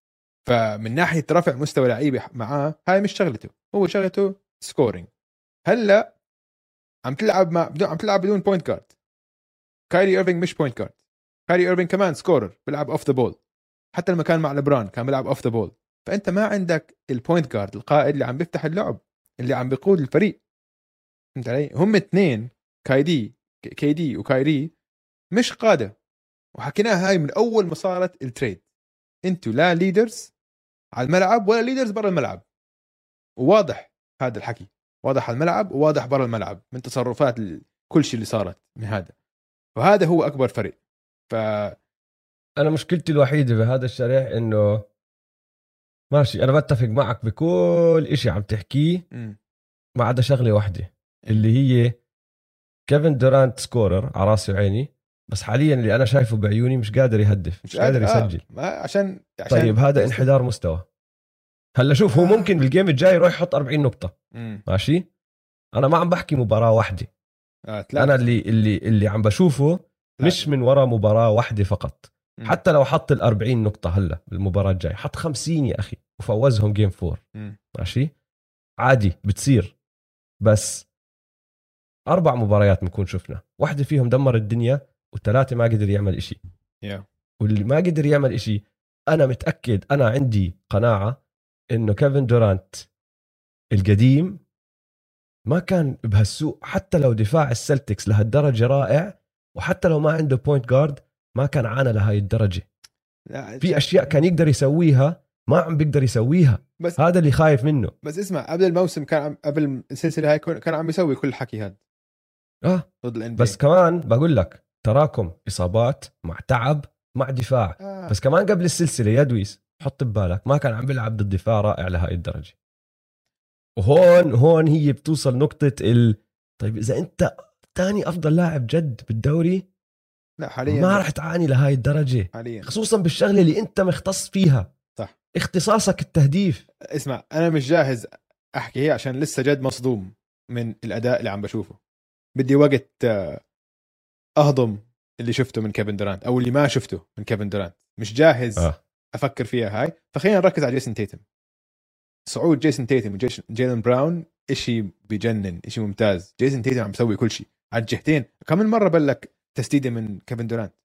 هاي كنت شايف أنا بس آه يانس عملها من قبل. هلأ كل game عم ببلكه كم مرة. هاي كمان لياقة بدنية عم بتخف من طرف واحد. وموجوده بنص عزها من الطرف الثاني لا هداك وعند صار عنده عيون المامبا حكيناها. كان عنده ال aggressive هاي لجيسون تيتم بيلعب بيمشي لعب منيح كمان بيصنع لعب منيح. بدافع على الجهتين حتى جيلن براون man جيلن براون كمان. أكيد ال step back 3 ال step back 3 بالرابع اليوم. خطير man أنا ما كنت متوقع تدخل. قلت مستحيل مستحيل. لما لما أخذها قلت مستحيل هاي داخله لما دخلت خلص انسى. وضعك تمام. أنتوا السلتكس فريق بتخوفوا بتخوفوا. آه مخيفين. وبتعرف لما يحكوا لك clicking on all cylinders أيوه. يعني خشوا. حتى بريتشارد عم بيجي بيتن بريتشارد بيتن بريتشارد man بريتشارد آه، تايم لورد رجع. ما حكينا جد ناس كثيره إنه ال starter تبعهم رجع. عادي. هورفورد عم بيلعب ممتاز. كأنه عمره أصغر بخمس سنين. دانيال تايس عم بيلعب ممتاز. ماركس سمارت كلهم. كلهم فريق من اول من أول عنصر لآخر عنصر. كلهم عم بيلعبوا دورهم بالضبط زي ما لازم يلعبوا. آه. حتى مارك سمارت. حتى مارك سمارت. مارك سمارت ما عم بتخذ قرارات غبية. آه تخيل. لا اسمع بصراحة هم بسهولة ضد النتس عم بيفوزوهم. انسى اول آه انسى هاي هي. انسى أول مباراة. اللي اضطرت تروح لآخر ثانية. إنه النتس ولا حتى عم بيقربوا على إنه يوقفوهم. ولا كل ما كل ما يقربوا شوي عادي. مش run آه. وال run ما عم في تحتاج جواب. وال run ما عم تحتاج واحد تهبرج معه. لا, لا. ال run هجوم عادي. اختراق آه. pass pass آه. swing واحد فاضي عشان أنتم عندكم مش دفاع يا نتس كمان. فهمت علي؟ ف اسمع عندك شيء تضيفه عن هاي السلسلة؟ عشان أنا عندي آخر شيء لازم احكي عن هاي السلسلة. هاي هاي هاي السلسلة بس آه ما ما عندي شيء أضيفه بس أنا بدي أرجع أعيد وأصرح قديش مستغرب من اللي صار بس مش مفروض نكون مستغربين. هاي المشكلة. يعني أنا مستغرب إنه هذا الحكي عم بصير لأنه بضل براسي كان دائما في كيفن دورانت وكايري ايرفينج على الجهة الثانية بس بعد ما صار الحكي هذا بتطلع عليها بتحكي كل شيء عم بيصير منطقي. منطقي جدا. ما في إشي مفروض نستغرب منه من اللي عم بيصير. طب اسمع أنا عندي تغريدتين. okay لازم أذكرهم. واحدة من هرالا باب. بيقول صراحة أنا بشعر مع ستيف ناش. عشان ما بدي أتصور كيف أنا عم بحاول أدرب فريق مع نجم اللي عنده قناعة إنه الأرض مسطحة.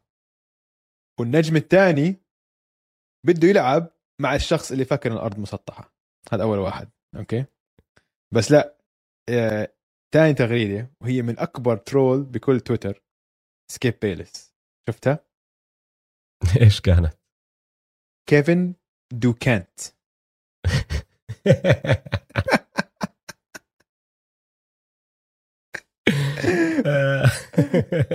سكيب بيلس اللي بس بيغرد ما عندوش not following anyone بس بيجي بحط بولع فتيشه وبرجع. وعنده فوق المليونين follower كمان. بس ما بتابع ولا حدا. كيفن بيكون دوكانت. لبرون جيمس مكيف هلا. حول. حول من هون لهناك. بالضبط بطل يحكي عن لبرون لا لا اسمع ال- السلتكس السلتكس السلتكس فريق. السلتكس فريق. فريق 100% فريق 100% 100% آه. وإذا انتهت هاي ب sweep راح تكون من أكثر السلاسل اللي أداء فريق أبهرني. إنه واو. اسمع بلشنا wow. نشوف آه، كايري وكي دي عم بتناقروا على الملعب ها؟ خلي- آه. خلي عينك عليها هاي. عشان كريس فيرلين حكى إنه آخر مرة هيك صار مع كيفن دورانت إنه فريق غلبه. كان grit and grind جريزليز وبعديها بيوم طلعت بصحيفة الاوكي سي إنه إيش شو هي كانت؟ خليني أشوف لك الهاي بس. آه ال headline Mr. Unreliable عن كيفن دورانت. بتذكرها هاي. آه. بعديها ولع كيفن دورانت. حكى مع الجريدة ومع الصحفي وهيك وبطل يحكي معه وكحشوه الصحفي من تدريبات أوكي سي كان ال beat reporter فهمت علي؟ ف كيفن دورانت حساس already عم بتخانق مع كايري على الملعب عارف man انتهت man. انتهت السلسلة حتى لو فازوا game four طبعا. انتهت السلسلة 100% بس منتهية. أنا اللي عم اللي عم فكر فيه الأبعاد تبعت هاي الخسارة إنه انتهت حقبة النتس wow wow هذا هذا لازم يكون نقاش بعد الموسم بعد بعد ما نعرف شو صار بالضبط. لازم يكون نقاش نتدخل فيه وندخل فيه ونحكي فيه ونقارن الكليبرز لأنه هذاك اليوم أنا رحت آه، قعدت مع جعفر على. البودكاست تبعه آه. اللي ما سمعوا روحوا اسمعوها يا جماعة سوالف سميث على استوديو الجمهور وقعدنا نتناقش بموضوع الكليبرز والسؤال كان هل تجربة بول جورج وكواي لينارد فاشلة هل تعتبر فشل من اللي شفناه صار لهم ثلاث سنين وما شفنا منهم إشي مم. فهل تعتبر فشل ولا لا؟ وبعد الموسم إذا خسروا هلا النتس ضد السلتكس يعني راح نسأل نفس السؤال عن النتس. طبعا. 100% مم. طيب آه، سلسلة الملواكي باكس والشيكاغو بولز أنا ما بدي أحكي فيها كتير. آه. بس عندي شغلة راح أبدأ فيها. وما و... ما راح نناقشها كتير لأنه بصراحة يعني أسوأ طريقة ممكن تكون أنت عم بت... بتجاوب ال... أو أو ردة فعل أسوأ ردة فعل ممكن تطلع من الشيكاغو بولز طلعت. بعد كريس ميدلتون وإصابته بال game 2 وأول مباراة إلك على أرضك بال playoff بخمس سنين أنت مفروض تكون أحسن من هيك. ومن بداية المباراة لنهايتها البوكس كانوا يعني مستوى بمستوى بطراز كتير أعلى من البولز كان آه، من البداية. شو اسمه آه، درو هوليدي قرر يسوي قرر يعمل performance اللي شفناه بالنهائيات السنة الماضية. إنه خلص اليوم جاي أدافع. خلص جاي أدافع. و- وما قرب يعني يعني ما كان في أي شك إنه راح يفوزوا البوكس حتى بال بال- بال run بال- بالربع الثالث. عملوا run صغير. زاك لافين حط ثلاثية وصار الفرق 60 صار الفرق 16 60 44 مم. يعني مش هالفرق حتى إنه مش إنه قلصوا الفرق لا single digits ولا شيء مش هالشيء بس لا إنه حط ثلاثيه بطلت 20 و25 نقطة. راحوا قالوا لك البوكس لهون وبس. هذا اسمع بداية الربع الثالث 11 دقيقة ضايل بالربع الثالث لما حط الثلاثيه هاي. بعديها على طول البكس 13 0 run كامل رائع. فيه dunk من من يانس مع full court lob من من درو هوليدي وخلص يعني من وقتها لنهاية المباراة البولز دائما متأخرين ب 20 نقطة أو أكثر وكل إشي أنت استفدت منه كل ال momentum اللي أنت جبته لها حالك من الفوز الكبير تبعك ب game 2 راح. راح. نحن حكينا أكثر إشي مثير للاهتمام عندي بهاي ال game كانت ال- ال lineup تبعت الملواكي باكس ال three bigs هاي. آه. هاي كانت يعني إنه أوف شو عم بيعملوا هون؟ ما توقعت وحتى هو بودن هولزر ما شغل حدا أو ما حكى لحدا إيش راح تكون التشكيلة الأساسية لقبل نص ساعة من المباراة. وبالعادة كان دخل واحد زي بات كوناتون أو جريسون آلن أخذ محل كريس ميدل كريس ميدلتون. راح دخل بوبي بورتس بوبي بورتس أبدع. بروك لوبيس أبدع يانس أبدع. كلهم ابدعوا جريسون كل آلن أبدع. آلن بالشوط الأول. جريسون آلن جريسون آلن كان هو أكثر واحد مسجل نقاط بالمباراة كلها بين كل هدول اللاعبين. آه. لا بدع. بدع المباراة الثالثة بس إحنا ما حكينا على البودكاست المباراة الثانية بس نعطي حقه ل لديروزن آه career high 41 نقطة. ورسميا كارير بلاي اوف كارير بلاي اوف بلاي هاي كارير بلاي. اوف هاي آه. ورسميا آه تم آه سحبه من ال آه، لا ما الجائزة. بتفق لا لا أكيد. لا لا OG لا، OG ما لا بصير. أحكي لك ليش. راح حط 41 بهديك المباراة. وفازوا. المباراة اللي بعدها okay. أخذ تسع تسديدات. لعب 32 دقيقة آه، أخذ تسع تسديدات. أقل عدد محاولات من الملعب تسديدات من الملعب بس. بمسيرته كواحد ك كعضو بالشيكاغو بولز. صح. بس رسميا هي جائزة بن سيمنز للاختفاء بال playoffs إنه ولا حتى بتورجينا إشي. هو خلص على الأقل ورجانا إشي. أنا هذا مبسوط عشان على الأقل إنه مش ما بتفق. أنا بالنسبة لي لازم لازم أحسن من هيك دمار عشان تعرف لازم مين أحسن من تعرف مين مختفي أكثر منه حاليا؟ مين؟ كيفن دورانت. آه بس ما عم بحكي لك راح يفوز ما عم بحكي. ديمار دي روزن راح يفوزها. okay. انا نحن أنا هلا أنا هذا ما عم بحكي. راح يفوزها. أنا هذا اللي عم بحكي بس, بس. هم عندنا نحن عندنا جائزتين سلبيات. آه. عندنا جائزة جوليوس راندل وعندنا جائزة بن سيمنز. آه في هي- واحدة اللي راح يختفي بالأوقات الصعبة وفي واحدة اللي راح تنضر سمعته أكثر آه. فهمت علي؟ okay. وهم جائزتين سلبيات. أنا معك إنه هو مش المرشح المفضل حاليا آه، لا، الأول لا, سحبه. لا هاي ولا. لهديك بس إنك تشيل ال- الطلبية تبعته تماما صعب جدا. صعب لا لا جدا أنا حط- لسه موجودة. افترض افترض المباراة الجاي خبص كمان مرة زي هيك. لا لا ما حيخبص إن شاء الله لا. أنا بحب دمار كشخصية آه. كثير وبصراحة بحزن عليه مرات لأنه أكلها هو بصراحة يعني. اكل أكل بهدلة مش ما بيستحقها. لأنه الزلمة رائع آه، أخلاقيات عمل قوية جدا. محترم محترم آه. محترم شخص محترم. لا اسمع هي. ال game الثالثه كانت منتهية بعد ال quarter الثاني. فالإحصائيات ما لهم معنى. كان الفرق أرب... وصل 40 نقطة الفرق قديش وصل حتى بطلت أتبع. وصل فوق 30 نقطة. خلاص فكان منتهي. فقديش سدد ما حتفرق. المهم إنه كان عنده أداء ممتاز بالمباراة الثانية. لديمار أعطيك آه، طيب إحصائية إلها معنى. آه. إحصائية OG لهاي السلسلة. آه. زاك لافين ودمار دي روزن لما يكون المدافع الرئيسي عليهم درو هوليدي. آه شفت هاي. زاك لافين نسبة التسديد 26% ديمار ديروزن نسبة التسديد 30% يا. جرو يا. يا زلمة. لا جرو. جرو مش طبيعي. زاك لافين صراحة هو المخيب الامل كتير. ما عم بيلعب صح. آه. ما عم بورجينا ولا إشي يعني. زاك لافين ممكن يربح الجائزة. ممكن. جوليوس جائزة جوليوس راندل. أول playoffs له لحد الآن ولا مباراة كويسة. كثير عادي يعني هيك ما عم متخذ قرارات صح. كل ال كل ال ال offense تبعه كأنه forced ما عم بيجي بال flow تبع ال offense ف بالعادة لما لما تكون داخل على مباراة رابعة وأنت الملواكي باكس وضعك هيك بتكون مرتاح شوي والبولز لأنه بيكون لازم يفوزوا. ال desperation mode تبعهم أعلى بيكونوا لازم يفوزوا وبشدوا حالهم أكثر آه. هاد ال- اللي صار هلأ إنه من بعد سلسلة بعد ما شفنا شو عم بيصير بسلسلة النتس والسلتكس أنا متأكد الملواكي بوكس بدهم يخلصوا من هاي السلسلة بأسرع وقت ممكن عشان ما يرتاحوا كتير ال- السلتكس. وعشان هم يرتاحوا نفس الكمية نفس الدرجة وما يصفوا لاعبين أربعة خ- آه، ستة خمسة ستة أو سبع مباريات يكونوا هدلاك لاعبين كتير أقل وداخلين fresh مم. على السلسلة الجاي فال game الجاي مع إنه جاي بعد blowout زي هاد بتوقع البولز يدخلوا بقوة وبتوقع البوكس يدخلوا بقوة بس بتعرف و... لو أنا ال- آه. البوكس بتفضل تلعب كمان مباراتين ثلاثة زيادة ضد البولز وضد السلتكس بدون كريس ميدلتون.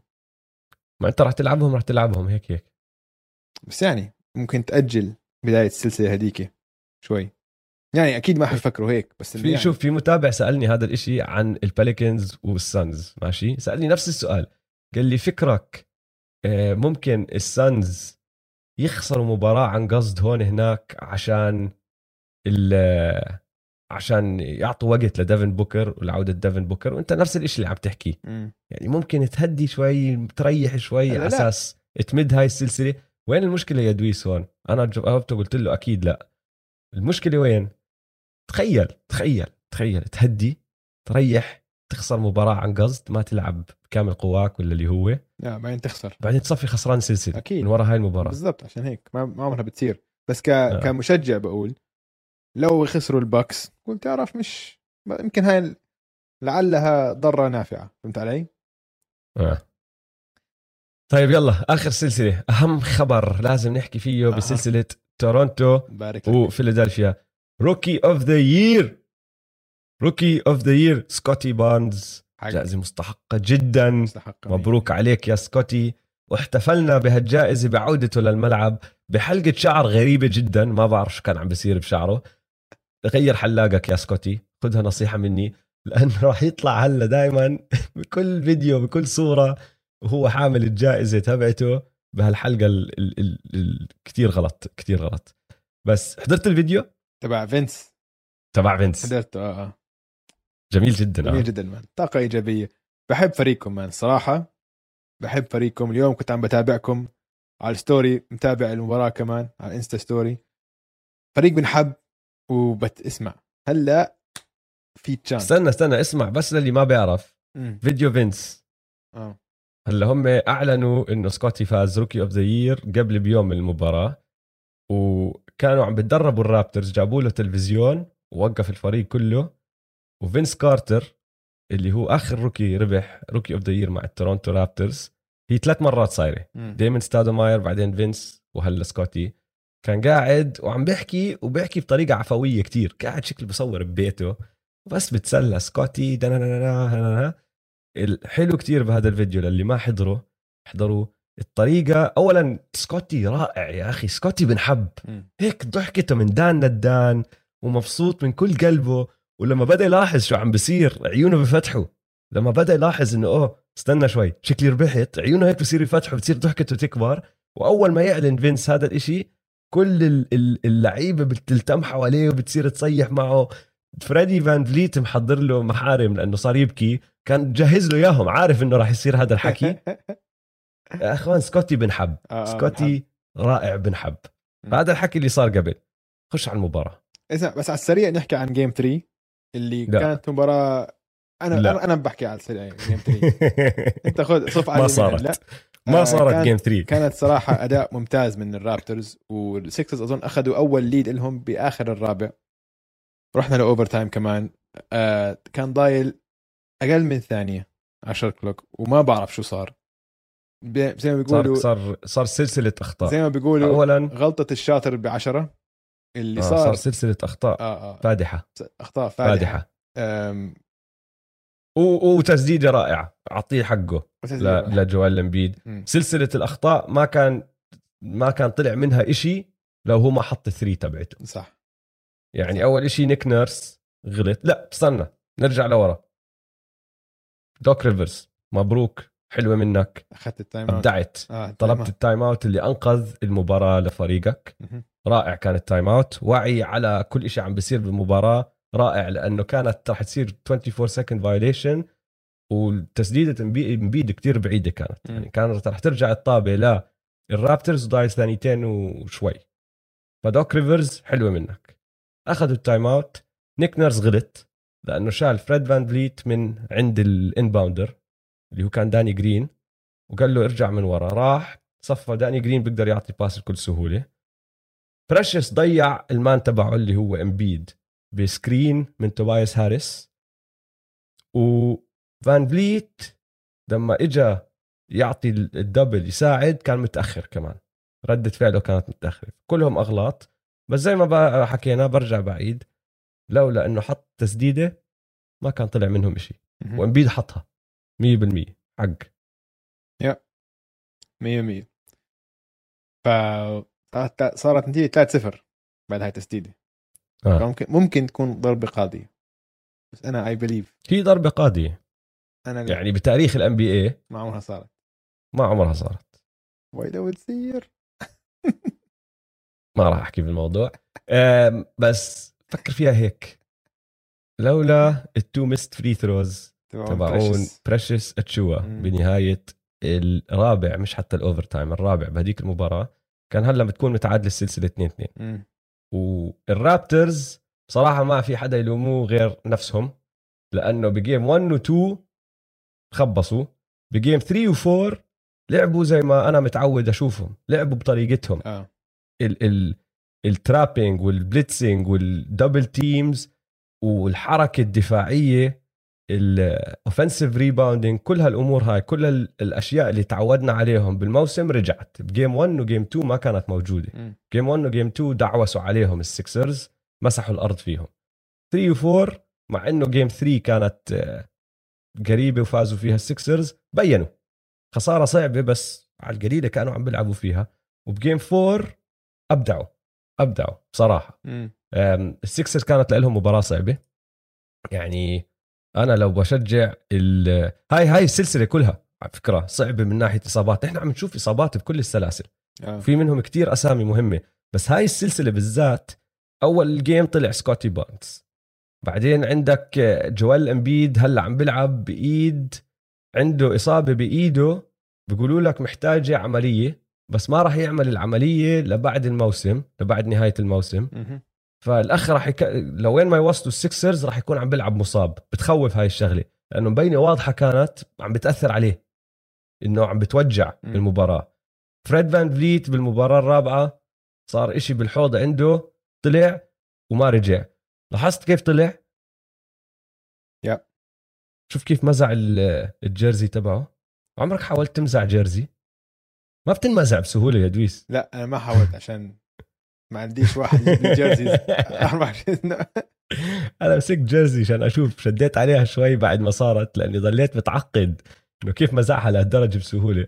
قلب the Hulk فريد آه. فان فليت. معناته وضع مزع هذا. معناته وضع سيء. بس غير هدول الإصابات الكبيرة بكل game عم بيصير أشياء بوقع واحد. يعني امبارح توبايس هاريس طلع مصاب شوي.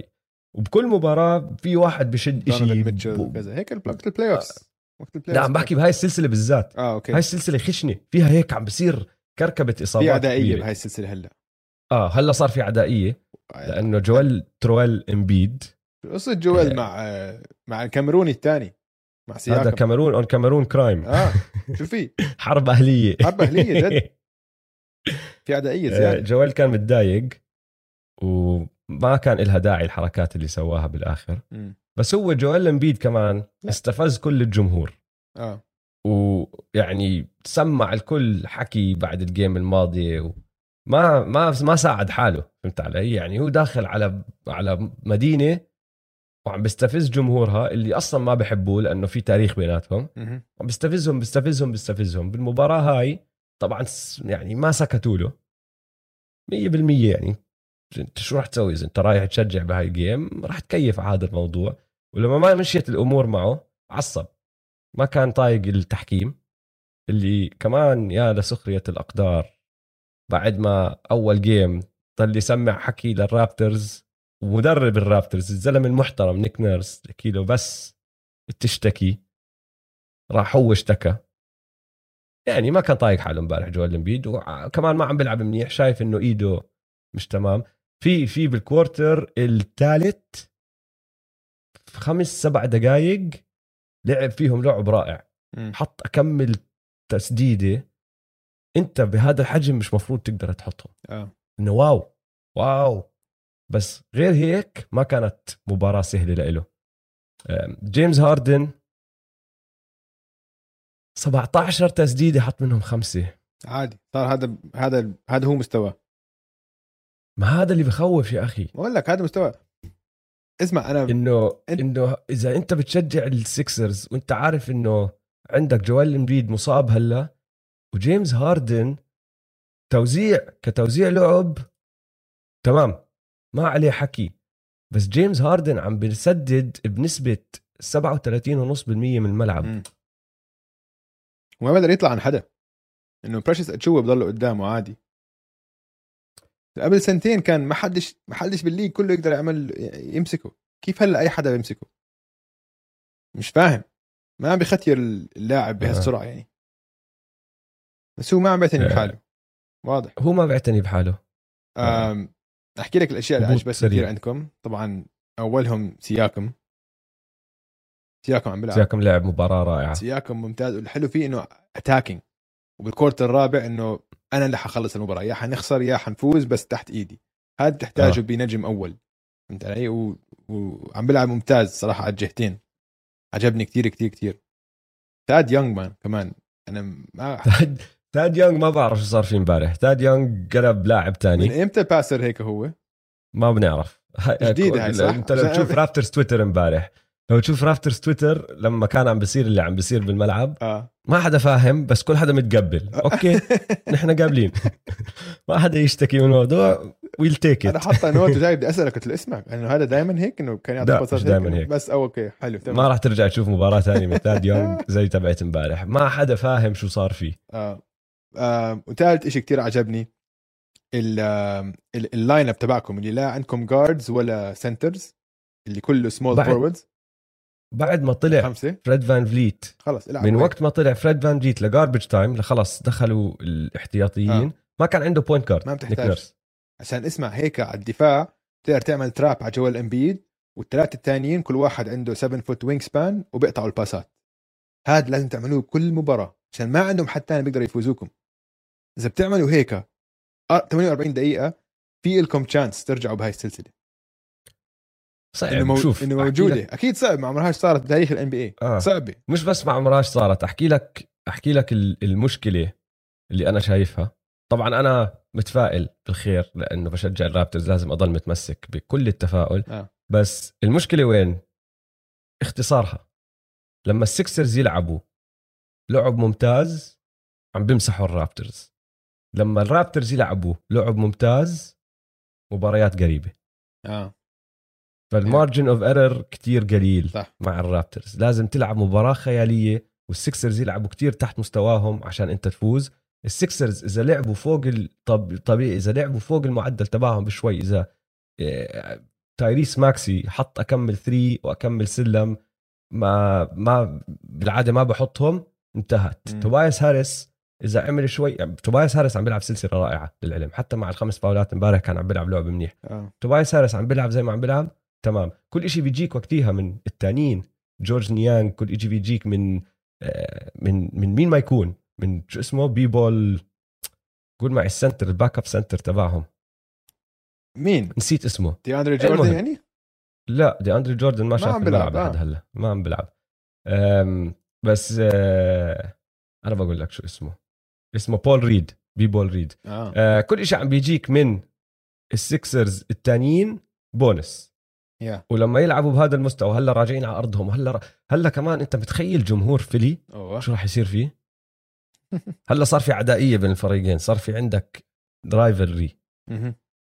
راح راح ياكلوهم أكل لل Raptors بالتشجيع تبعهم. آه. يا بس اسمع أنا بتمنى تفوزوا على الأقل game 2 عشان الحكي game 5 قصدك؟ عشان إن آه. أنت تفوزوا ال game الثاني لكم آه. 3 2 بيي ال pressure عليهم. هي هاي المشكلة على فكرة. كل game بيفوزوها ال Raptors كل ما راح يزيد الضغط على ال Sixers بالضبط. ال Raptors خلاص playing house money ما ما أكلوا ال sweep آه. والضغط كان إنه ما تاكلوا ال sweep حتى لو خسرت 4 1 عادي. مم. 4 2 عادي. 4 3 أوه. عادي. بس كل مباراة بفوزوها ال Raptors. إذا فازوا كمان مباراة آه. الضغط عم بزيد وعم بزيد وعم بزيد على ال Sixers يعني حتى لو ما بشجع ال Raptors كان حبيت تمد هاي السلسلة بس عشان أشوف الدراما. امم 100% طيب يا دويس حلو كتير. وصلنا آخر حلقة. دول حلقات ما متعبة. متعبة. الحياة متعبة هلا متعبة. إن شاء الله عجبتكم حلقة اليوم. لا تنسوا تتابعونا على مواقع التواصل الاجتماعي at m2m underscore pod وتابعوا حسابات استوديو الجمهور استوديو الجمهور يلا سلام. يلا سلام.